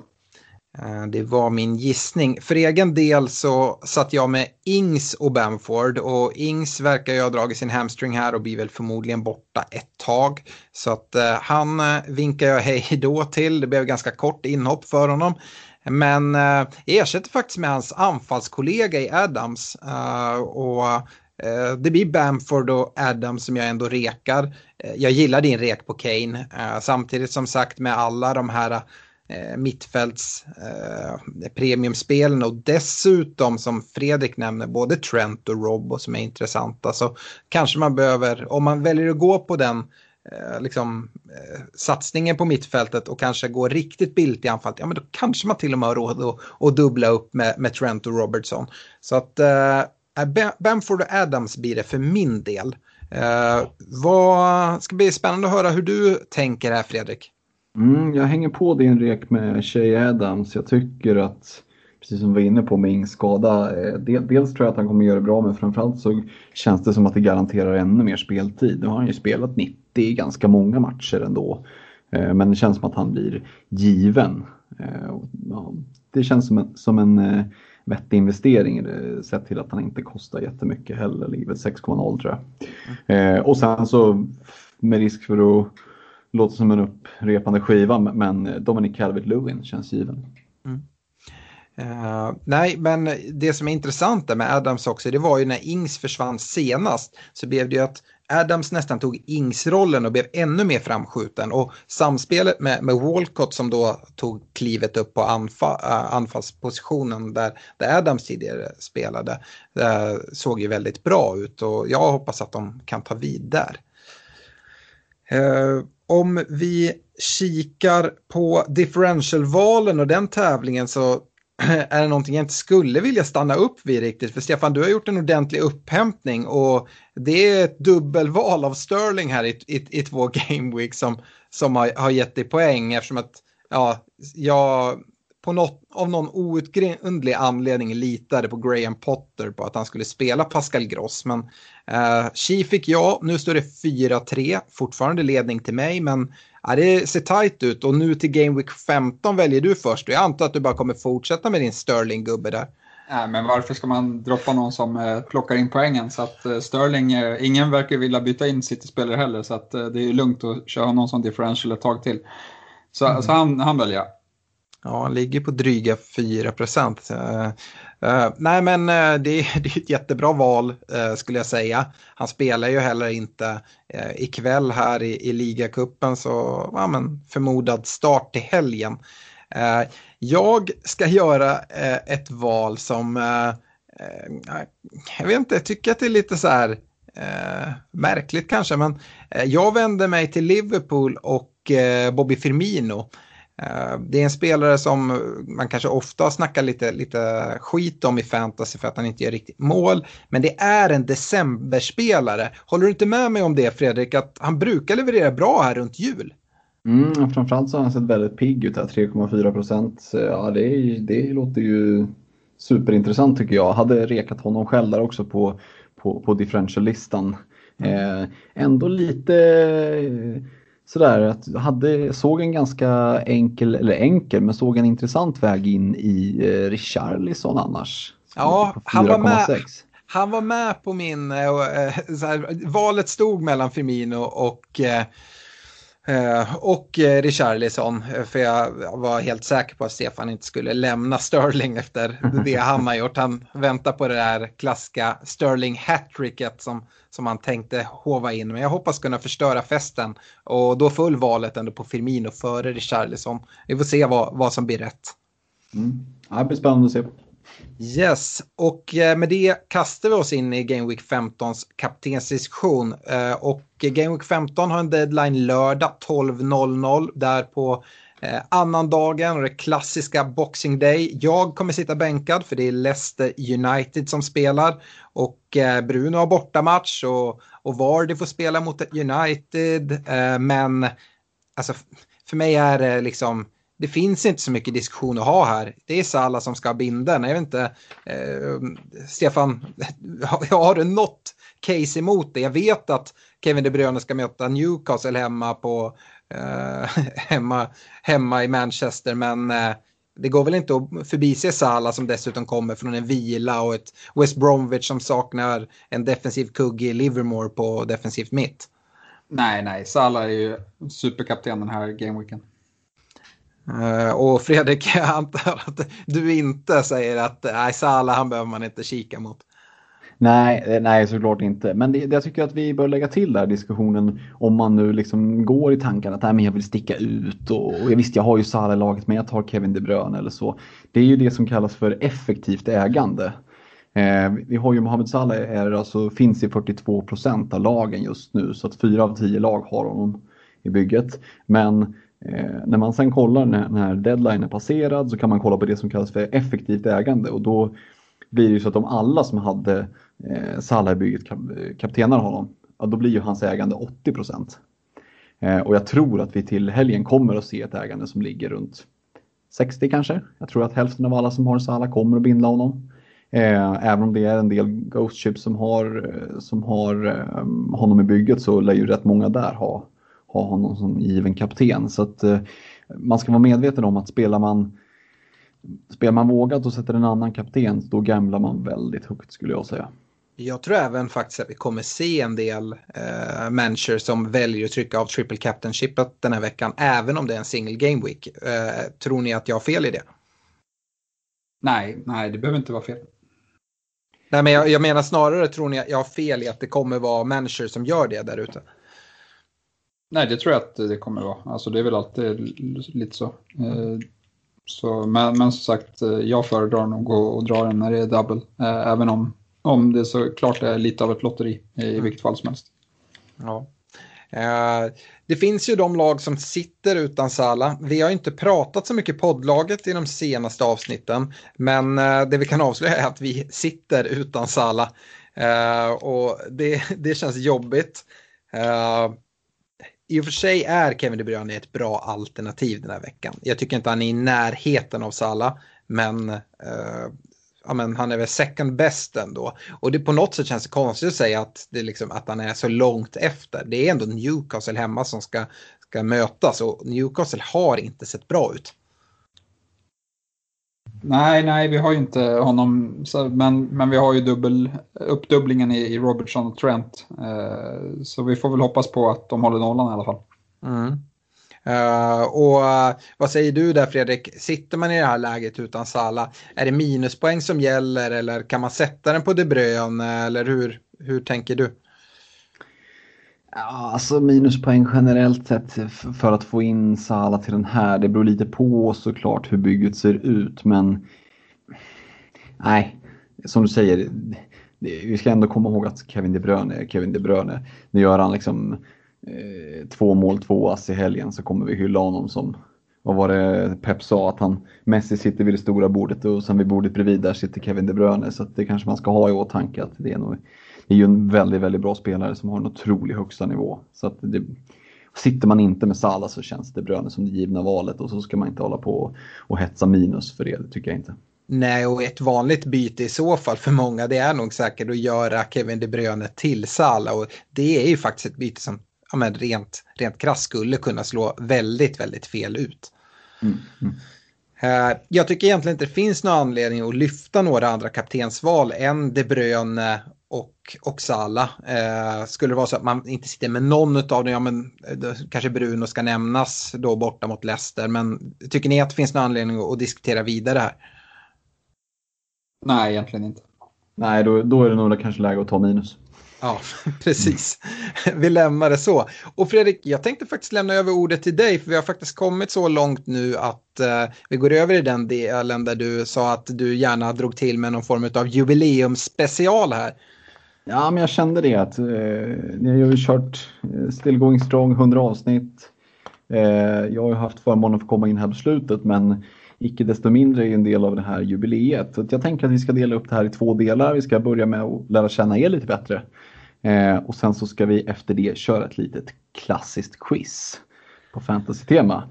Men eh, jag tänkte köra fem snabba med er först som ni får svara i tur och ordning. Eh, och första frågan där blir egentligen vilken är er favorit fantasy Premier League-spelare genom tiderna? Och då vill jag ha både vilken spelare och vilken säsong, för det är ju viktigt. Vi börjar med, med, eh, med dig Alex. Eh, ja, eh, kan vi börja med att säga, jag började spela 08-09 så jag missade ju Ronaldos fina 07-08 säsong. Eh, annars är ju det ett liksom, snabbt val för mig som, som United-fan. Eh, men alltså, det finns ju många spelare som har gjort det bra med, liksom, ja, men Suarez har väl liksom, helt galen säsong. Jag är inte helt säker om det var 13-14 kanske. Mm, 13-14. Eh, men alla de här spelarna som har gjort det jättebra, det är sällan de som ändå jag vänder mig mot när det är favoritspelare. Så att, ja, ja, lite konstigt kanske, men en, det är två aktiva spelare idag som jag kanske inte är lika sugna på nu. Men Fabianski när han var i Swansea, det var en sån målvakt som alltid satt i mitt bygge. Jag vet att Stefan också gillar honom mycket. Och sen så Ivanovic som då var i Chelsea som var helt galen ytterback. Som bara, dels Chelsea släppte inte in typ några mål överhuvudtaget och han bombade på Eh, framåt och gjorde mål på alla möjliga vis. Så Ja, men Fabianski eh, i Swansea och Ivanovic, jag är inte helt säker på säsonger här. Eh, det kanske du har bättre koll på, Stefan.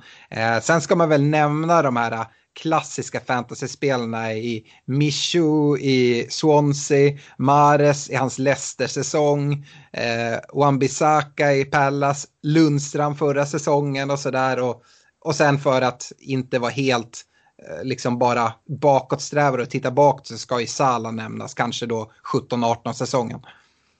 En viktig helgardering med andra ord. Ja, det är det. Men som sagt, om det är no nu, nu kastar jag ur med massa spelare, men mina favoritspelare, det får nog bli Fabianski, Swansea och Ivanovic i, i Chelsea ändå. Ja.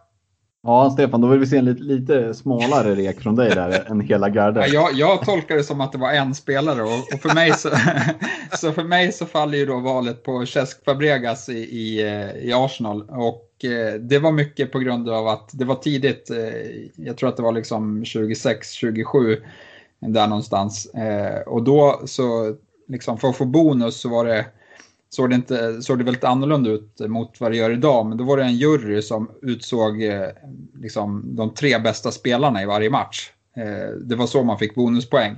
Och Chesk, han var ju, han var ju mer eller mindre självskriven i, i att få tre bonus. Även om Arsenal liksom inte vann matchen så, så tyckte man att han var bäst på plan.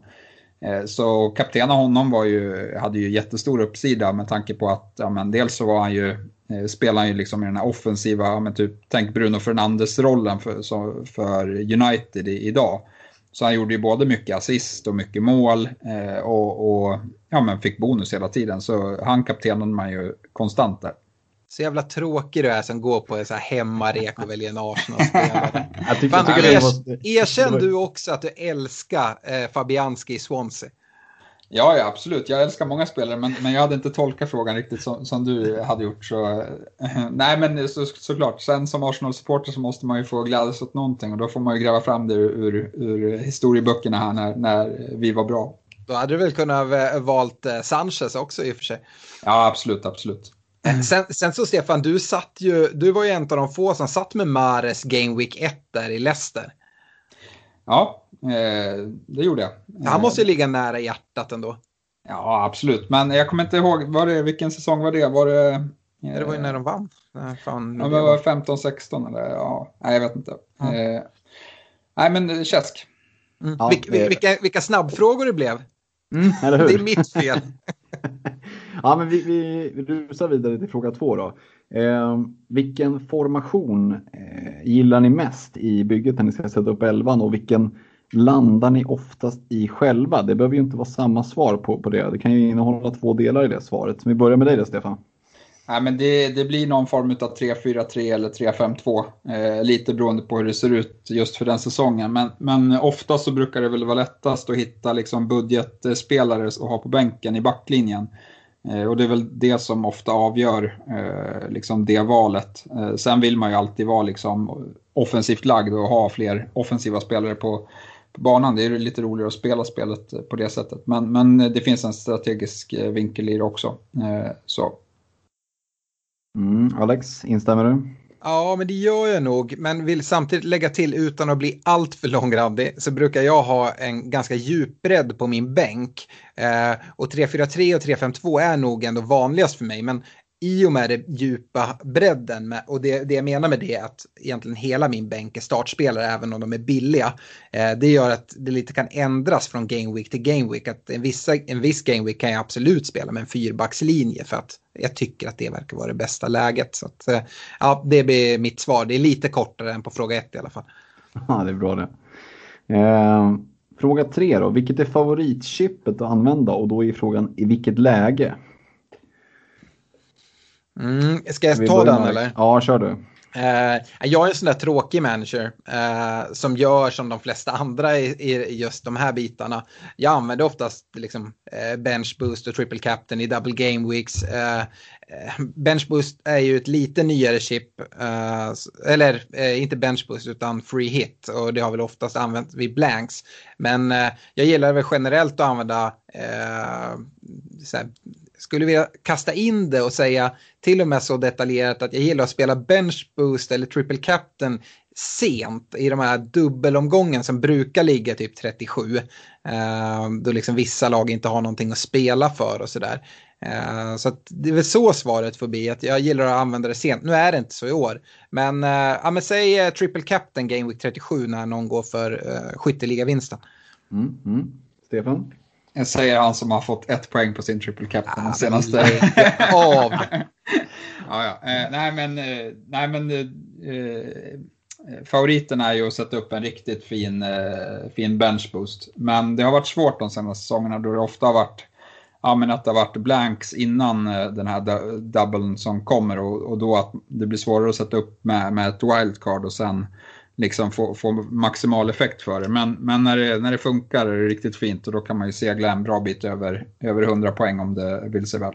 Har det varit svårt med bench boost? Jag säger triple captain, det är det sämsta chippet som går. Det är tre poäng varje år. Jag, är det, jag tror det, jag har haft det i tre, tre år i rad nu.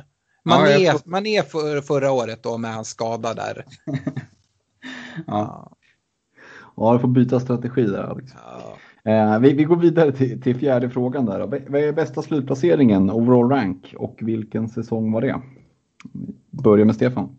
Jag hamnade på 1078, eh, 14-15. Eh, och det tror jag var, det var Chelsea vann, eh, vann den säsongen. Eh, jag tror att det var mycket på grund av liksom att det var och sitta tidigt och rätt i Chelsea. Eh, sen, sen tror jag att man har en fördel av, så Arsenal kom trea till exempel och, och var bra. Eh, och jag tror man har en fördel av att vara liksom ett hängivet fan eh, när laget man följer går bra för att man har väldigt fina insikter i, i det laget. Och om det finns fantasyintresse dessutom så, så har man en extra fördel där skulle jag säga. Bara gott för dig Fredrik.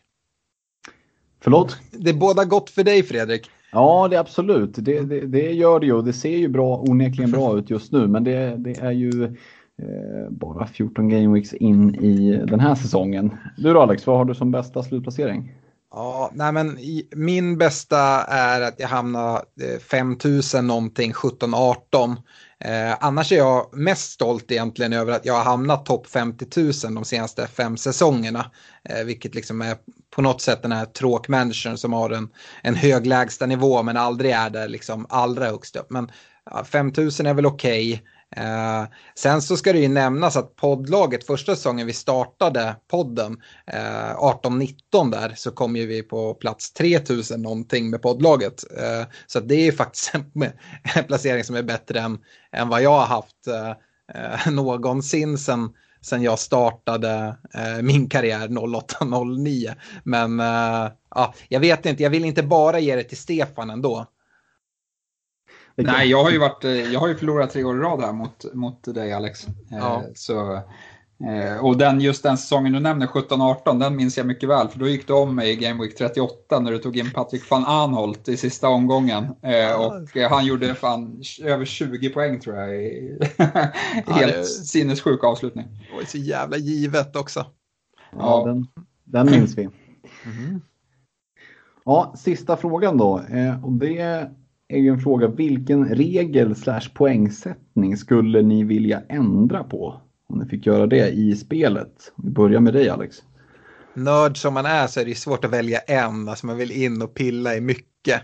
uh, men oh, alltså fuck. Ska jag bara nämna en så är det nog straffpoängsystemet som jag tycker skulle behövas en ordentlig genomsyn av.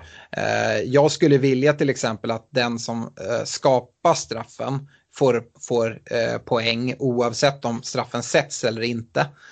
Jag tycker dessutom att den spelare som sätter straffen ska få lika mycket poäng. Alltså ett straffmål är x poäng, inte mer poäng för att en försvarare slår en straff. Så det är väl liksom ja, men straffpoängsdelen jag skulle vilja ändra.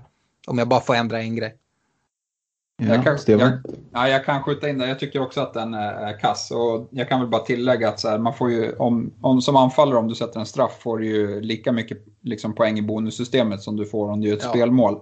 Eh, så det blir ju ännu mer snedvridet tycker jag och gör ju att man, ja, men man måste fokusera på, på straffskyttar i större utsträckning. Jävla eh, Callum Wilson. Ja, nej men sen, sen kan jag tycka också att eh, liksom, om man kollar på rent bonuspoängsystemet i, i helhet så blir det ju väldigt eh, tiltat till eh, eh folk som tar poäng eh, alternativt backar. Eh, det är väldigt svårt för till exempel eh, en drös med mittfältare att ta sig in där oavsett om man liksom världsbäst eh, som någon form av lite mer defensiv roll så, så finns det ju noll intresse för sådana spelare i, i dagens fantasy. Ja, jag har en liten bubblare där att slänga in. Vad, vad ja. tror ni om att slänga in en, eh, en eller två poäng för så kallade hockeyassist? Blir det för mycket poäng i spelet då? Eller skulle man få med att täcka in lite mer spelfördelare? Skulle en sån som Thiago eller en Kanté bli mer intressant om, om det gick att plocka poäng även så? Ja, fin, finns väl ett, ett case för, jag vet inte om man gör det lite ännu mer avancerat än vad det redan är.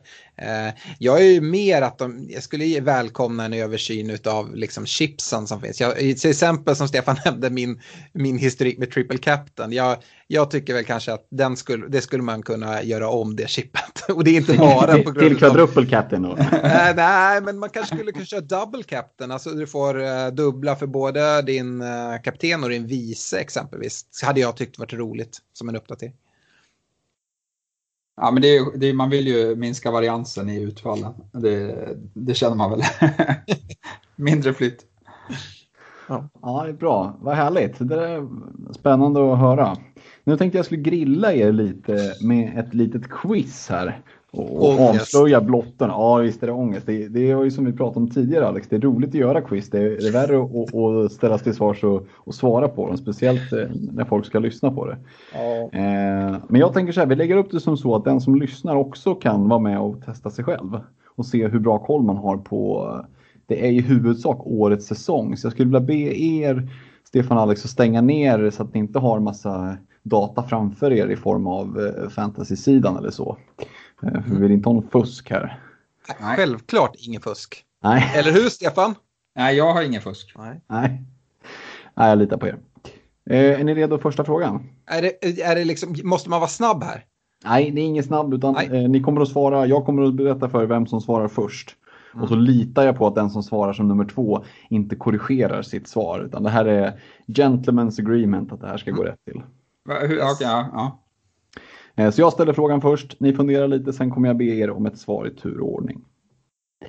Eh, då börjar vi. Första frågan. Vem har högst ägarandel, alltså TSB, Team Selected By, i poddande stund? Det vill säga just nu i hela spelet den här säsongen. Ja, vem är det som ska svara?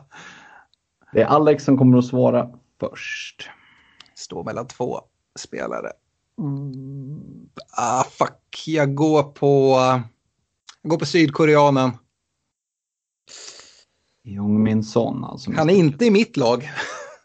det är inte den andra jag tänker på jag, jag, tror att jag har rätt på den här faktiskt. Calvert ja, Calvert Lewin. Ja, det är de jag väljer mellan.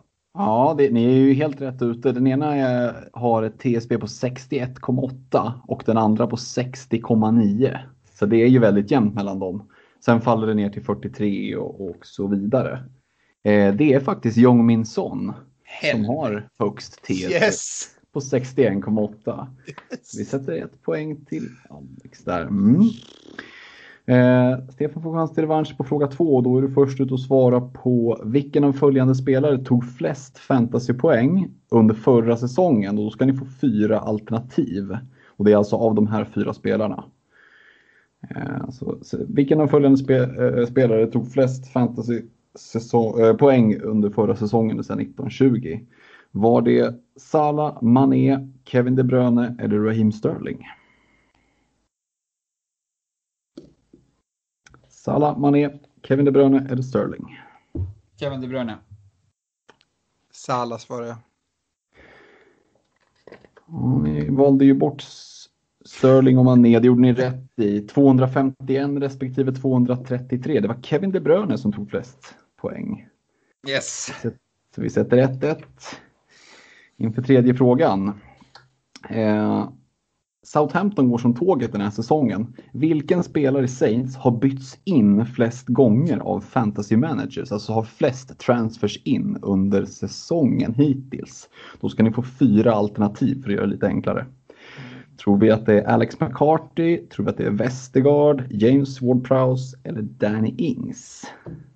McCarthy, Westergaard, James Ward-Prowse eller Danny Ings?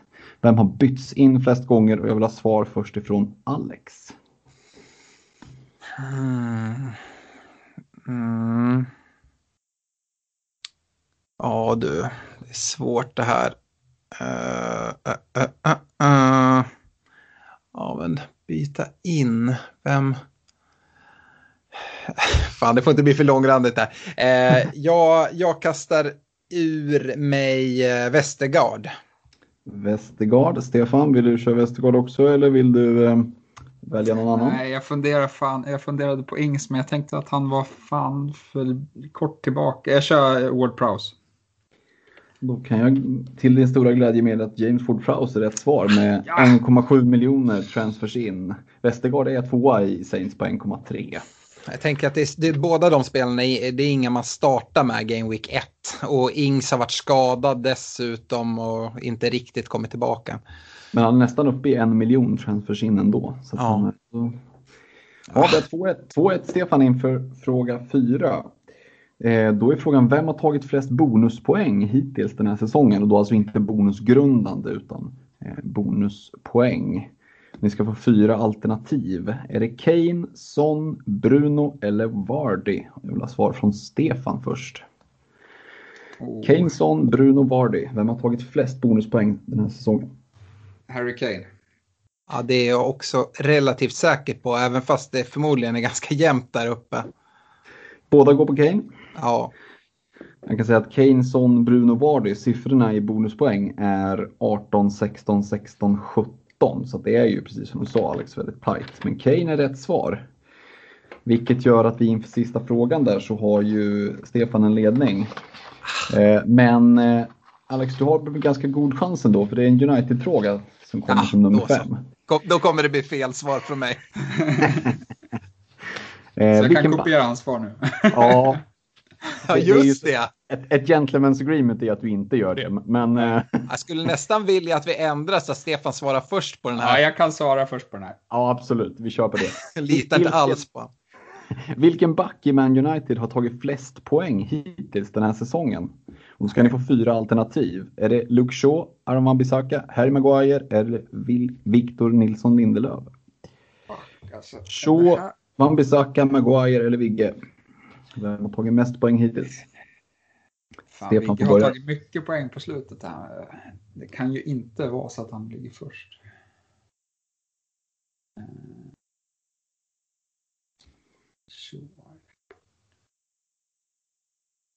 Har du, gått, har du gått in på fantasy-sidan? Nej, jag har inte gjort det. Jag, jag, tar, ja, men det är så jävla sjuk fråga. Eh, jag tar, uh, jag tar Luke Shaw. Yes, yes, yes. Jag är helt säker på att det här är Vigge. Jag har nämligen äh, kikat på det när jag har förberett United, äh, United-prestationen inför dagens avsnitt. Ja, det, är det stämmer att det är Vigge på 41. Maguire, Wan-Bissaka 37 och Shaw har faktiskt bara tagit 24 poäng. Ja, det var ju riktigt dåligt. Ja, Shaw har ju varit skadad också. Ja, ja han har ju det. Oj det. Men det här är ju vad bra att jag, att jag förberedde en utslagsfråga då. Eh, jag misstänkte att det skulle kunna bli jämnt 3-3. Ändå tycker jag att ni kommer, ni kommer undan med, med liksom någon form av ära i behåll. Eh, men eftersom vi hade en United-fråga här så kommer utslagsfrågan att vara av Arsenal-karaktär. Eh, och den lyder då så här. Mesut Özils bästa säsong i fantasy, det var 15-16. Hur många poäng tog han då? Mesut Özil 15-16. Nu får Alex börja då. Ja, jag får väl det. Fan, 15-16. Det var alltså Özils bästa säsong i fantasy. Ja, men han har inte tagit drömpoäng. Han gjorde ju svin mycket ass. Var det den säsongen? Eh, det pratades assrekord och grejer. Eh, hmm.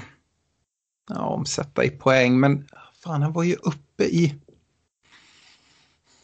Ja, jag kan inte ens räkna om det i huvudet, men var en...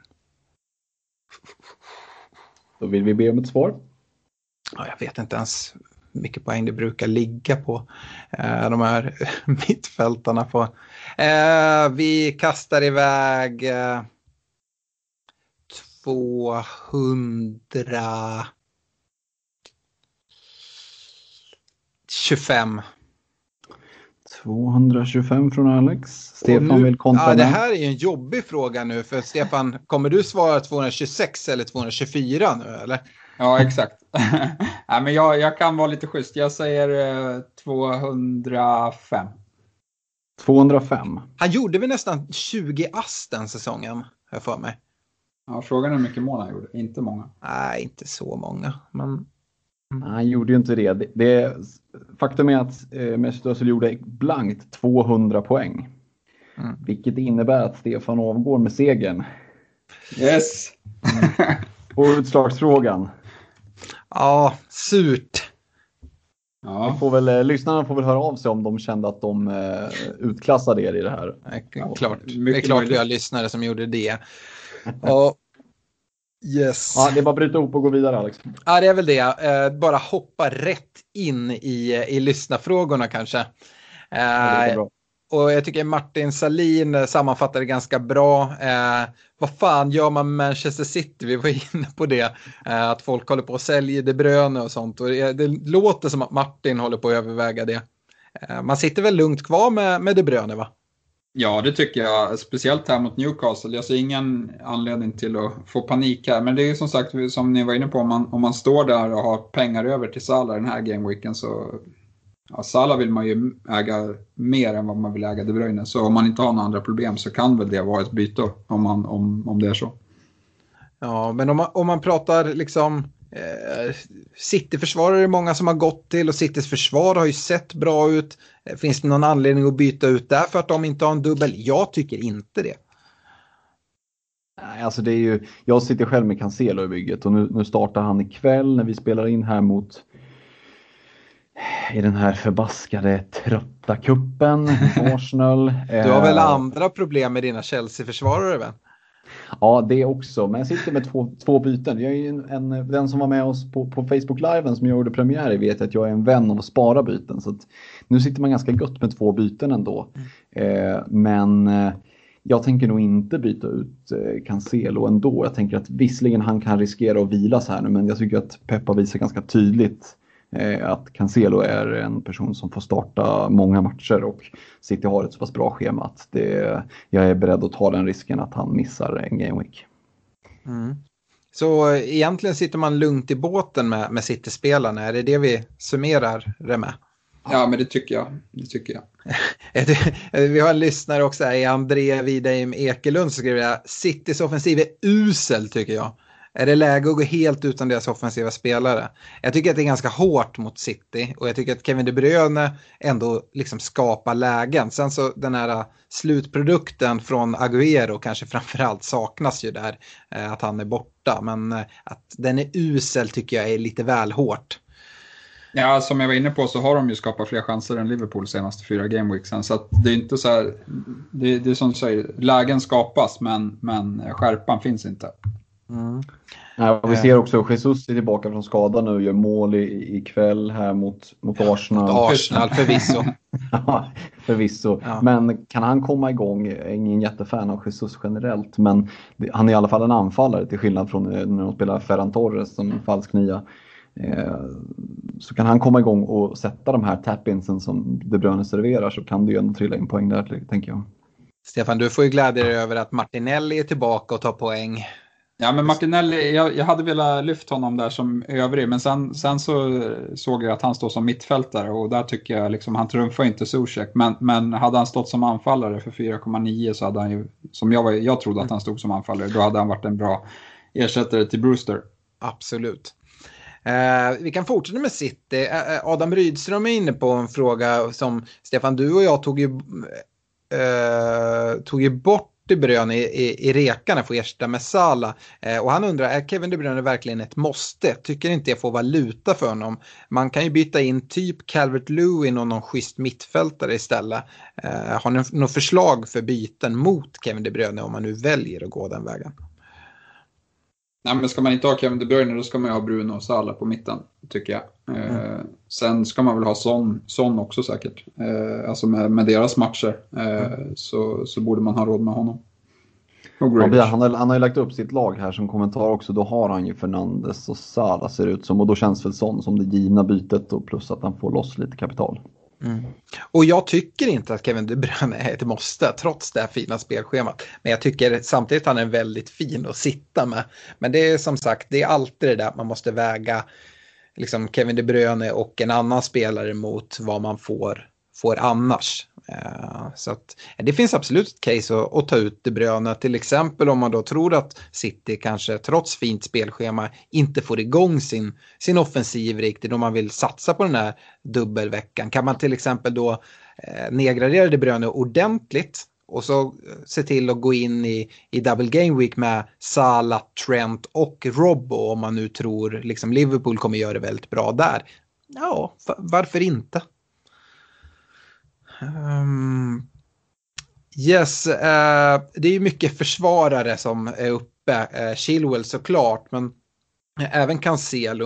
Uh, Robin Aronsson skrev in och han ska byta ut Vardy och Cancelo inför den här omgången på grund av att Kane ska in.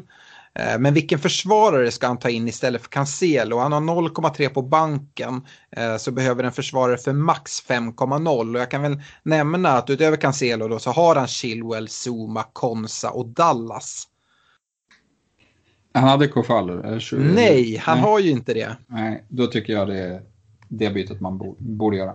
Ja, vi har ju alla tre som vår rek och det passar väldigt bra med, med dubbel och sådana saker. Så att eh, om man nu väljer att göra det här bytet så uh, tycker jag att Kofall är ett jättebra val. Ja men absolut. Sen var det, skulle han göra ett dubbelbyte och ta ut, uh, ta ut Vardy också? Ja, för han ville få in Kane. Ja, ah, för att få in Kane också. Mm. Ja. Nej men absolut, det, det känns väl som, som, en, som ett givet val. Mm, och så kommer Vardy smälla in två mot United eh, Chilwell då, om vi fokuserar där. Viktor Bredal.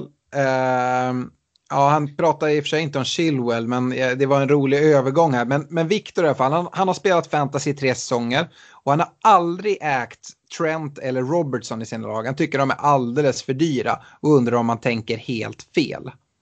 Alltså, det var ju de två spelarna som hade bäst värde i hela spelet i fjol. Så ja, jag skulle säga att uh, han tänker fel där. Sen Sen kan man väl tycka att liksom Trent han har inte kommit upp eh, på samma nivå som han var på eh, i fjol. Eh, men, men, Robertson har ju trumfat den nivån han låg på i fjol. Eh, så att eh, ja, jag tycker absolut att, eh, att Robertson bör vara av intresse för alla som spelar. Ja, och eh, det var roligt att ta upp den för frågan efter är från Torbjörn Olsson och han skriver så här, ska byta ut Chilwell mot Robertson eller Trent nu i Game Week 15. Eh, sedan blir det wildcard i Game Week 16. Eh, sen så ställer han en fråga som jag tycker är lite svår. För så här, Vem av dessa tror ni får flest spelade minuter mellan Game Week 15 och 19? Eh, och alltså, om man ska dra ett wildcard i Game Week 16 så är det ju egentligen bara en liksom pant, men det kanske är för vilket val han sen ska göra. Hur hade ni gjort där? Nej, men jag tycker att eh, alltså valet mellan Trent och Robertson, där finns det egentligen inget annat att gå på än ren magkänsla. Det är, där kanske just som läget är just nu så är Robertson det lite mer säkra valet. Han har ångan uppe men Trent har en lite högre högsta nivå. Eh, så vill man gamla lite går man på Trent och vill man gå på den som har ångan uppe så är det Robertson. Ja, och det som är är att eh, man tänker så här, men jag tar Trent så sticker jag ut lite. Eh, men ägarandelen är inte jättestor skillnad ändå. Nu tror jag i och för sig att Trent sitter i fler Ghost Chips än vad Robertson gör. Men Robertson ägs utav 20 procent och Trent ägs utav nästan 14 procent. Så det är ingen jätte, jätteskillnad när man kikar på det.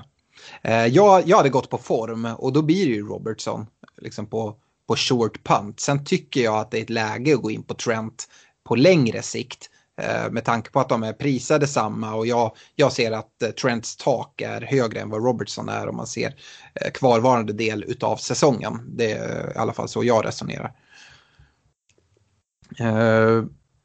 Och Carl Kviding, vi fortsätter med Chilwell. I nuläget har jag Chilwell i laget och Justin, Luckman och Walker Peters på bänken. Ett fritt byte. Spara bytet eller byta ut Chilwell. Ja, alltså det beror på. Jag sitter ju också med Chilwell eh, som skadad, men jag har ju också spelande eh, reserver att kasta in. Eh, och stämmer det som Lampard säger att det här visar sig vara bara liksom en stukning och att han eh, är nära, då, då tycker jag att liksom, varför ska jag slösa ett byte på Chilwell om han ändå kommer vara helt till, till double game weekend? Så så jag, jag funderar på att behålla. Mm. Hur, hur resonerar du där, eh, Fredrik? Jag önskar att jag hade lika mycket is i magen. Det kan ju bero på att jag sitter med Cancelo, Jamal Lewis och Lamptey också, så hela min backlinje är lite av en eh, ambulansutryckning, hela, hela linan där. Eh, och också för att med två fria byten, jag är sugen på att få in Trent eh, eller Robertson eller båda nu, redan nu till helgen. Eh, eftersom Liverpool har en så pass bra match. Jag tror att eh, Big Sam kommer att parkera bussen på ett... Han kommer fick parkera den där ännu närmare kortlinjen än vad, än vad Mourinho gjorde. Så att, eh, ja, om, om inte Chilwell är liksom mer eller mindre tillbaka till helgen så ryker han nog mot Trent eller Robertson. Men det, då bygger det ju på att man har de medlen. Eh, har man inte möjlighet att göra det raka bytet då hade jag kanske suttit och, och avvaktat. Men som sagt, det går även att göra en till Kofall. Men jag tycker mycket handlar egentligen om det Stefan är inne på. Att han sitter med en bänk, precis som, som Karl gör här så har han liksom en, en, en bänk med, med startande spelare som inte har så stora eh, rotationsrisker. Till skillnad från, från dig där eh, Fredrik. Så att, mm. eh, har man sånt läge, ja, men då hade jag nog eh, gått på Stefans eh, linje. Att eh, ja, men verkligen ha is i magen. Eh, även om man tror att han missar den här och kanske till och med nästa också. Så det är inte hela, hela världen. Eh, men eh, såklart får man besked att han, han är borta några veckor. Ja, men några veckor, det är inte två game weeks utan det är många fler än så just nu. Så då är det en helt annan sak. Då, då måste man ju ta ut honom tycker jag. Uh, och där tror jag vi svarar på Erik Julins fråga också. Sen så snabbt kan jag svara på Daniel Wickenbergs fråga. Är Emerson värd en chansning nu när Chilwell är skadad? Och det tycker inte jag uh, att han är. Uh, mycket då. Sen som sagt, vi får väl se. Är det liksom en jätteallvarlig skada som av någon anledning kommer fram så får man väl omvärdera eventuellt. Anfallsfrågor då istället så går vi till Oskar Eklöf som har tröttnat lite på Watkins och undrar om det är den sämsta anfallaren i ett bra offensivt fungerande lag som finns att tillgå. Eh, tycker han ser riktigt osäker ut, dålig löpvilja och få avslut som ensam striker match efter match. Han har bidragit med 14 skott på mål och spelar 90 minuter i samtliga 13 matcher för Villa. Vad säger ni? Eh, Stefan, jag ger den här till dig för vi har ju pratat lite om Watkins. Han har ju haft en del oflyt också får man ändå säga. Nej, men vi sa ju det, hade han, hade han satt sin straff då kanske det hade varit fem mål till. Liksom, för att eh, de har fått två till straffar. Han har haft de här två offside-målen som har varit eh, sjukt marginella. Eh, så att eh, visst, han hade kunnat leverera mycket mer än vad han har gjort. Men, men samtidigt så är han frustrerande. Eh, dock så ska vi säga att han liksom, det finns ju ingen oro för att han ska bänkas eller så. Han, gör ju, han, han är lite Marcus Berg i svenska landslaget. Han bidrar med väldigt mycket men, men kanske inte just med, med målskyttet just nu. Nej, jag, jag pratar ju om det att det händer mycket i, i Villas eh, mittfältsled nu när Barkley kommer tillbaka. Vi, vi, det finns ingen risk, eh, jag tror inte det, men jag undrar om någon av er ser någon risk med att eh, försöka liksom få in alla mittfältare och spela med någon falsk nia. Eh, Fredrik, tror du att det, den risken finns? Nej, men jag tycker inte det finns någon eh, av de offensiva mittfältarna som riktigt har de, den typen av kvaliteter att spela falsk nia. Eh, utan om han vill knö in eh, Barkley till varje pris, då tänker jag mig snarare kanske ett eh, 4-1-4-1 med Douglas Luiz sittande och sen få in fyra, eh, fyra mittfältare framför och sen ha en Watkins ensam på topp i så fall. Mm. Så jag tror att Watkins känns rätt så safe ändå. Så, sen jag sitter inte med honom själv. Hade jag gjort det, ja, så är hans största problemet i bygget, då sitter man ju väldigt, väldigt bra till. Mm. Eh, det är ju inget jättekul spelschema efter den här gameweeken. Jag hade nog hållit honom nu till helgen till, till eh, annandagen och sen hade jag kanske kikat om mig om beroende lite på om han presterar eller inte. Ja, när han dessutom inte har double där i, eh, i Game Week 19, även om, man, om Villa sitter med Eh, två hängmatcher. Så de kommer ju komma längre fram. Då kan man ta in honom tills dess. Jag lutar också faktiskt mot att ta ut honom om det inte är så att jag behöver använda bytena på annat håll. Men har jag byten över till Game Week 19 så kommer nog Watkins få, få stryka på foten. Och då helt plötsligt blir ju Kalle Stödbergs fråga ganska intressant. Han vill att vi ska ranka anfallarna som ligger där runt 5,5-6,5 i, i, i pris och lite vilka av dem som vi tror tar mest poäng kommande fem Game Weeks. Eh, vi har ju varit inne på Shay Adams och pratat mycket om Bamford också. Eh, båda de har ju double game weeks. De, håller jag, de två håller jag väldigt högt. Eh, vad, vad säger ni? Om vi börjar med dig Stefan. Nej, men som sagt, Adams är väl den som jag håller högst här. Sen tycker jag, vi är så här, Haller situationen, jag hade hellre velat investera i en Antonio fast hans fysiska status är ju alldeles för osäker. Så att Nej, det, det, tror jag i sånt fall blir ett beslut fram mot eh, liksom, deadline 19 om man får en feeling för honom där. Eh, annars så vet jag inte, det är inget som, eh, som är aktuellt för mig, men Rodrigo han spelar ju som mittfältare i Leeds, men liksom, mm. man kan inte säga så mycket om eh, position i, Leeds. De, de rör sig lite som de vill. Men han är ju en bra spelare och, och liksom står som anfallare. Jag har redan tre från Leeds, så jag kan inte byta in honom, men, men det skulle också kunna vara ett alternativ.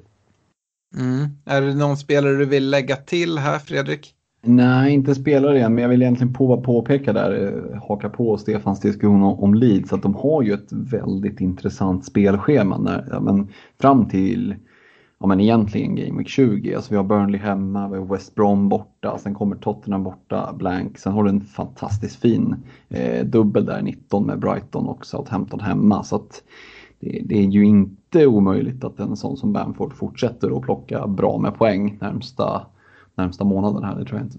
Vi har ju även konstaterat där att eh, Leeds defensiv kanske inte är liksom det man absolut först rekar att, att investera i. Så att eh, går man riktigt billigt i anfallet så skulle det ju kunna sitta med en Bamford, en Rodrigo och en Adams. Om man nu då till exempel till den här dubbel game, game, game weekend eh, vill ha det här premium mittfältet och kanske gå på eh, Trent och Robbo eller i alla fall någon av dem och lite mer eh, premium mm. på försvarssidan. Mm. Um, yes, jag vet inte om det var att vi rankade anfallen men jag tycker att det är svårt att särskilja Bamford och eh, Adams. Jag tycker båda är väldigt, väldigt bra. Eh, sen så skiljer de i pris så att Adams är ju billigare. Eh, så att eh, ja, kanske, kanske Adams i alla fall då som får ligga etta. Eh, Jesper Lövstad, han eh, gratulerar oss till 100 avsnitt eh, men tycker samtidigt att eh, det inte pratas så mycket om Harry Kane utan allt fokus ligger på en viss Mohamed Salah som han skriver att han inte får plats med i sitt lag. Ja, jag förstår ju att det pratas mycket Salah men han undrar om det sett i spelschema inte är läge att prata mer Kane. Och det är det väl? Ja, jag kikar på Kane, men inte till den här gameweeken, men, men efter det. Eh, för att jag är liksom, om vi, när vi ska sen prata vet du, kaptensbindel för Game Week 16 så måste ju han stå högst, eller högt upp på, på den agendan, tycker jag. Mm. Så att, jag kikar mot Kane, men det kommer nog bli på, på De Bruynes bekostnad om det sker. Det blir inte Salah bekostnad i alla fall. Nej. Nej, eh, absolut är ju han ett äh, jättefint äh, kaptensalternativ, äh, tycker jag.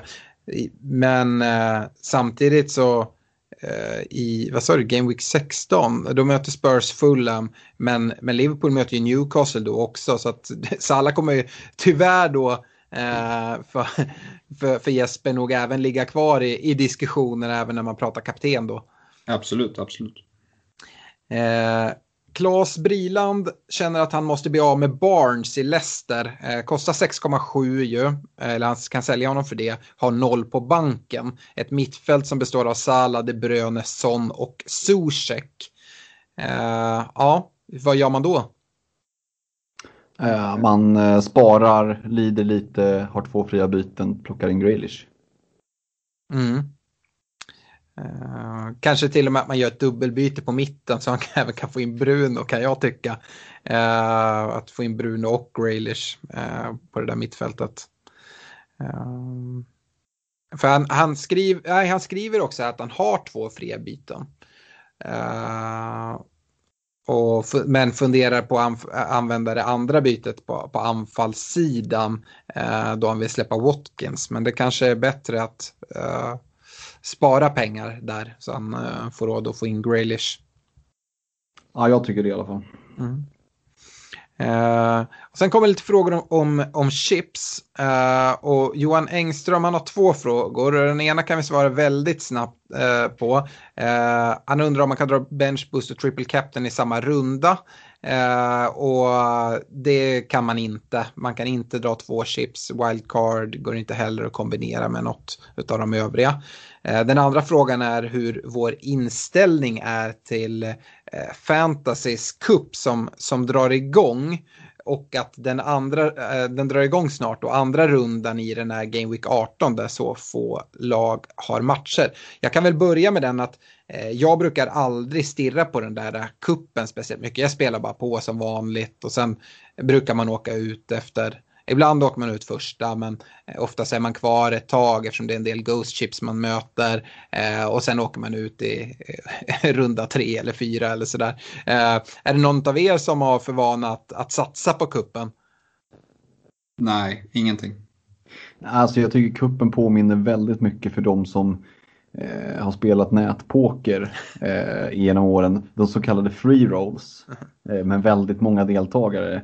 Att, eh, vill, vill du vara med och spela en sån så hoppar du in och så sitter du och så håller du bra ett tag och så går du all in på någon triss och så åker du på att någon jäkel sitter på en färg. Det är ungefär liksom den känslan av att spela kuppen. Det, det, till slut kommer du åka, det, det är liksom bara en tidsfråga. Då är jag mer inne på miniligor med kompisarna med, med eh, lite egna insatser. Det, det är betydligt roligare.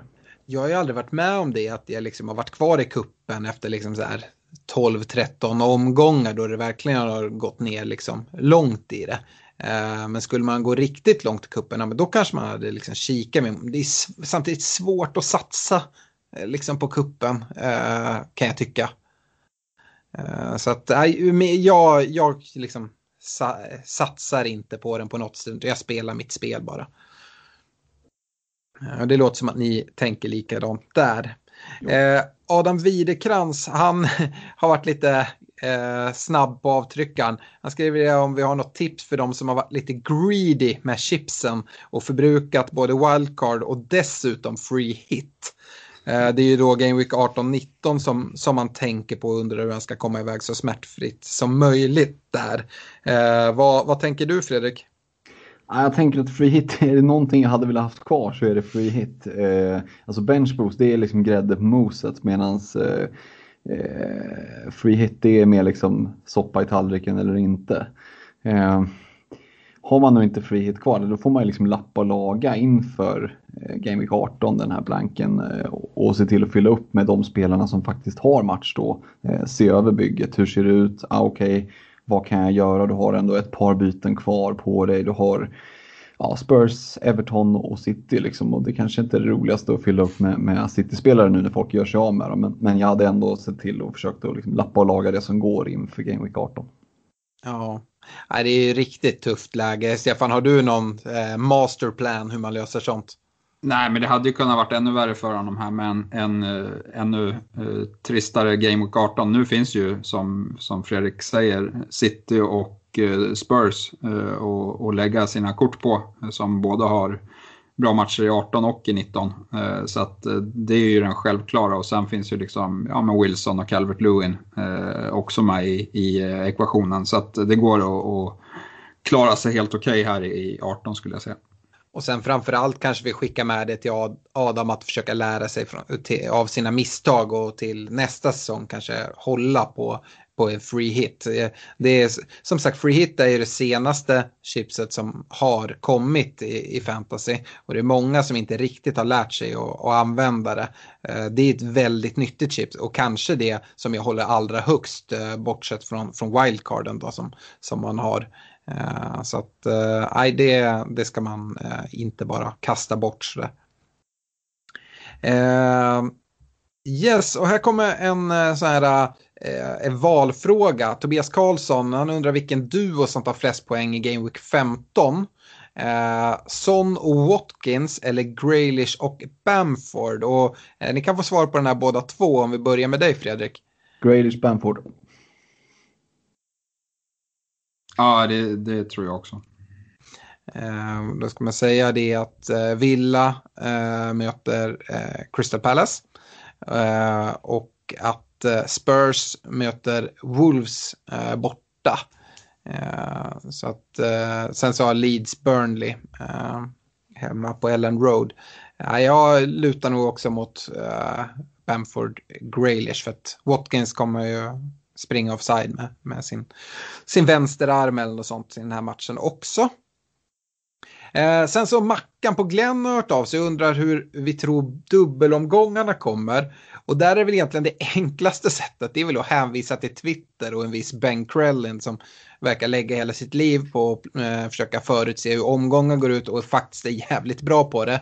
Eh, men han eh, gör uppdateringar hela tiden kring det här. Och Eh, Eh, ja, men han konstaterar nu nyligen att ligacupfinalen bör flytta från Game Week 26 till Game Week 33. Vilket då förmodligen kommer innebära en större Double Game Week 26 som vi har varit inne på. Det vi vet just nu det är ju blanken 18, dubbeln i 19. Men sen är det även förmodligen en dubbel i 26. För, förmodligen också ytterligare en liten dubbel någon gång under säsong. Och så blir det blank ganska stor blank i Game Week 29 då det kanske spelas mm, eh, då det kanske är 5-6 matcher någonting.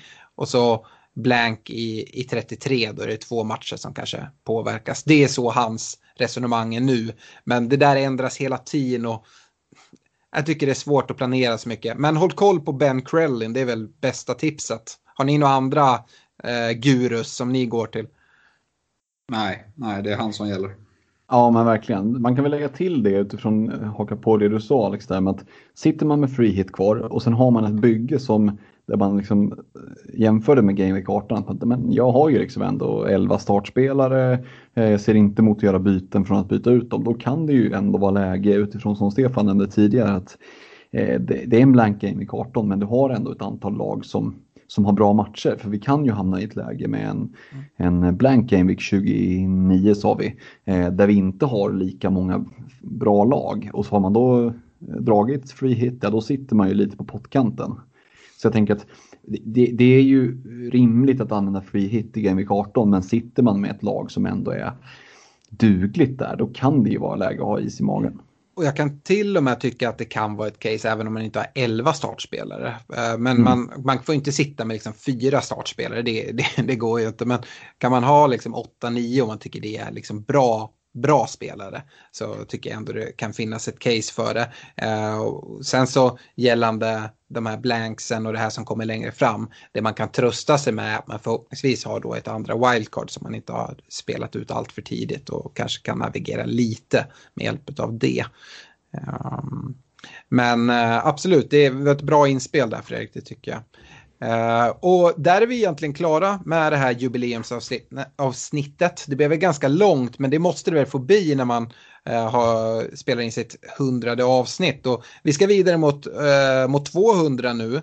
Och eh, det blir inte ett poddavsnitt, men eh, på måndag så återkommer vi med en Facebook Live-sändning. Då blir verkligen deadline-sändning samma dag där vi tar emot frågor och kommer med kaptensval och, och sådana saker. Så eh, häng gärna med där och eh, stort tack för att ni har lyssnat på oss. Eh, jag vet att det är många där ute som har hängt med alla de här hundra avsnitten, eh, vilket är jätteroligt. Och eh, ni, som, ni som lyssnar får jättegärna hjälpa, hjälpa oss och, och sprida podden till, till vänner och bekanta. Eh, jag vet att man i, i sina miniligor inte vill att kompisarna ska få de bästa tipsen, men vi är väldigt tacksamma för all hjälp vi kan få för att växa podden ytterligare, vilket eh, är superkul och vilket förhoppningsvis gör att vi kan se till att få ännu bättre priser till, till poddliga och sådana saker. Vi har en del grejer på G här framöver, så hjälp oss gärna med det så tar vi nya tag och siktar mot 200 avsnitt som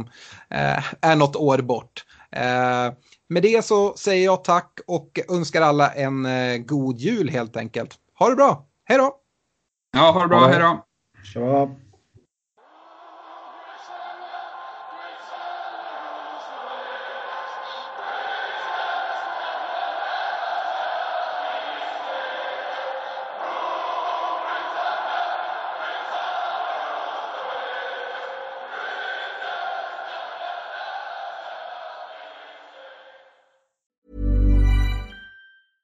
Mom deserves the best, and there's no better place to shop for Mother's Day than Whole Foods Market. They're your destination for unbeatable savings, from premium gifts to show-stopping flowers and irresistible desserts. Start by saving 33% with Prime on all body care and candles. Then get a 15-stem bunch of tulips for just $9.99 each with Prime. Round out Mom's menu with festive rosé, irresistible berry chantilly cake, and more special treats. Come celebrate Mother's Day at Whole Foods Market.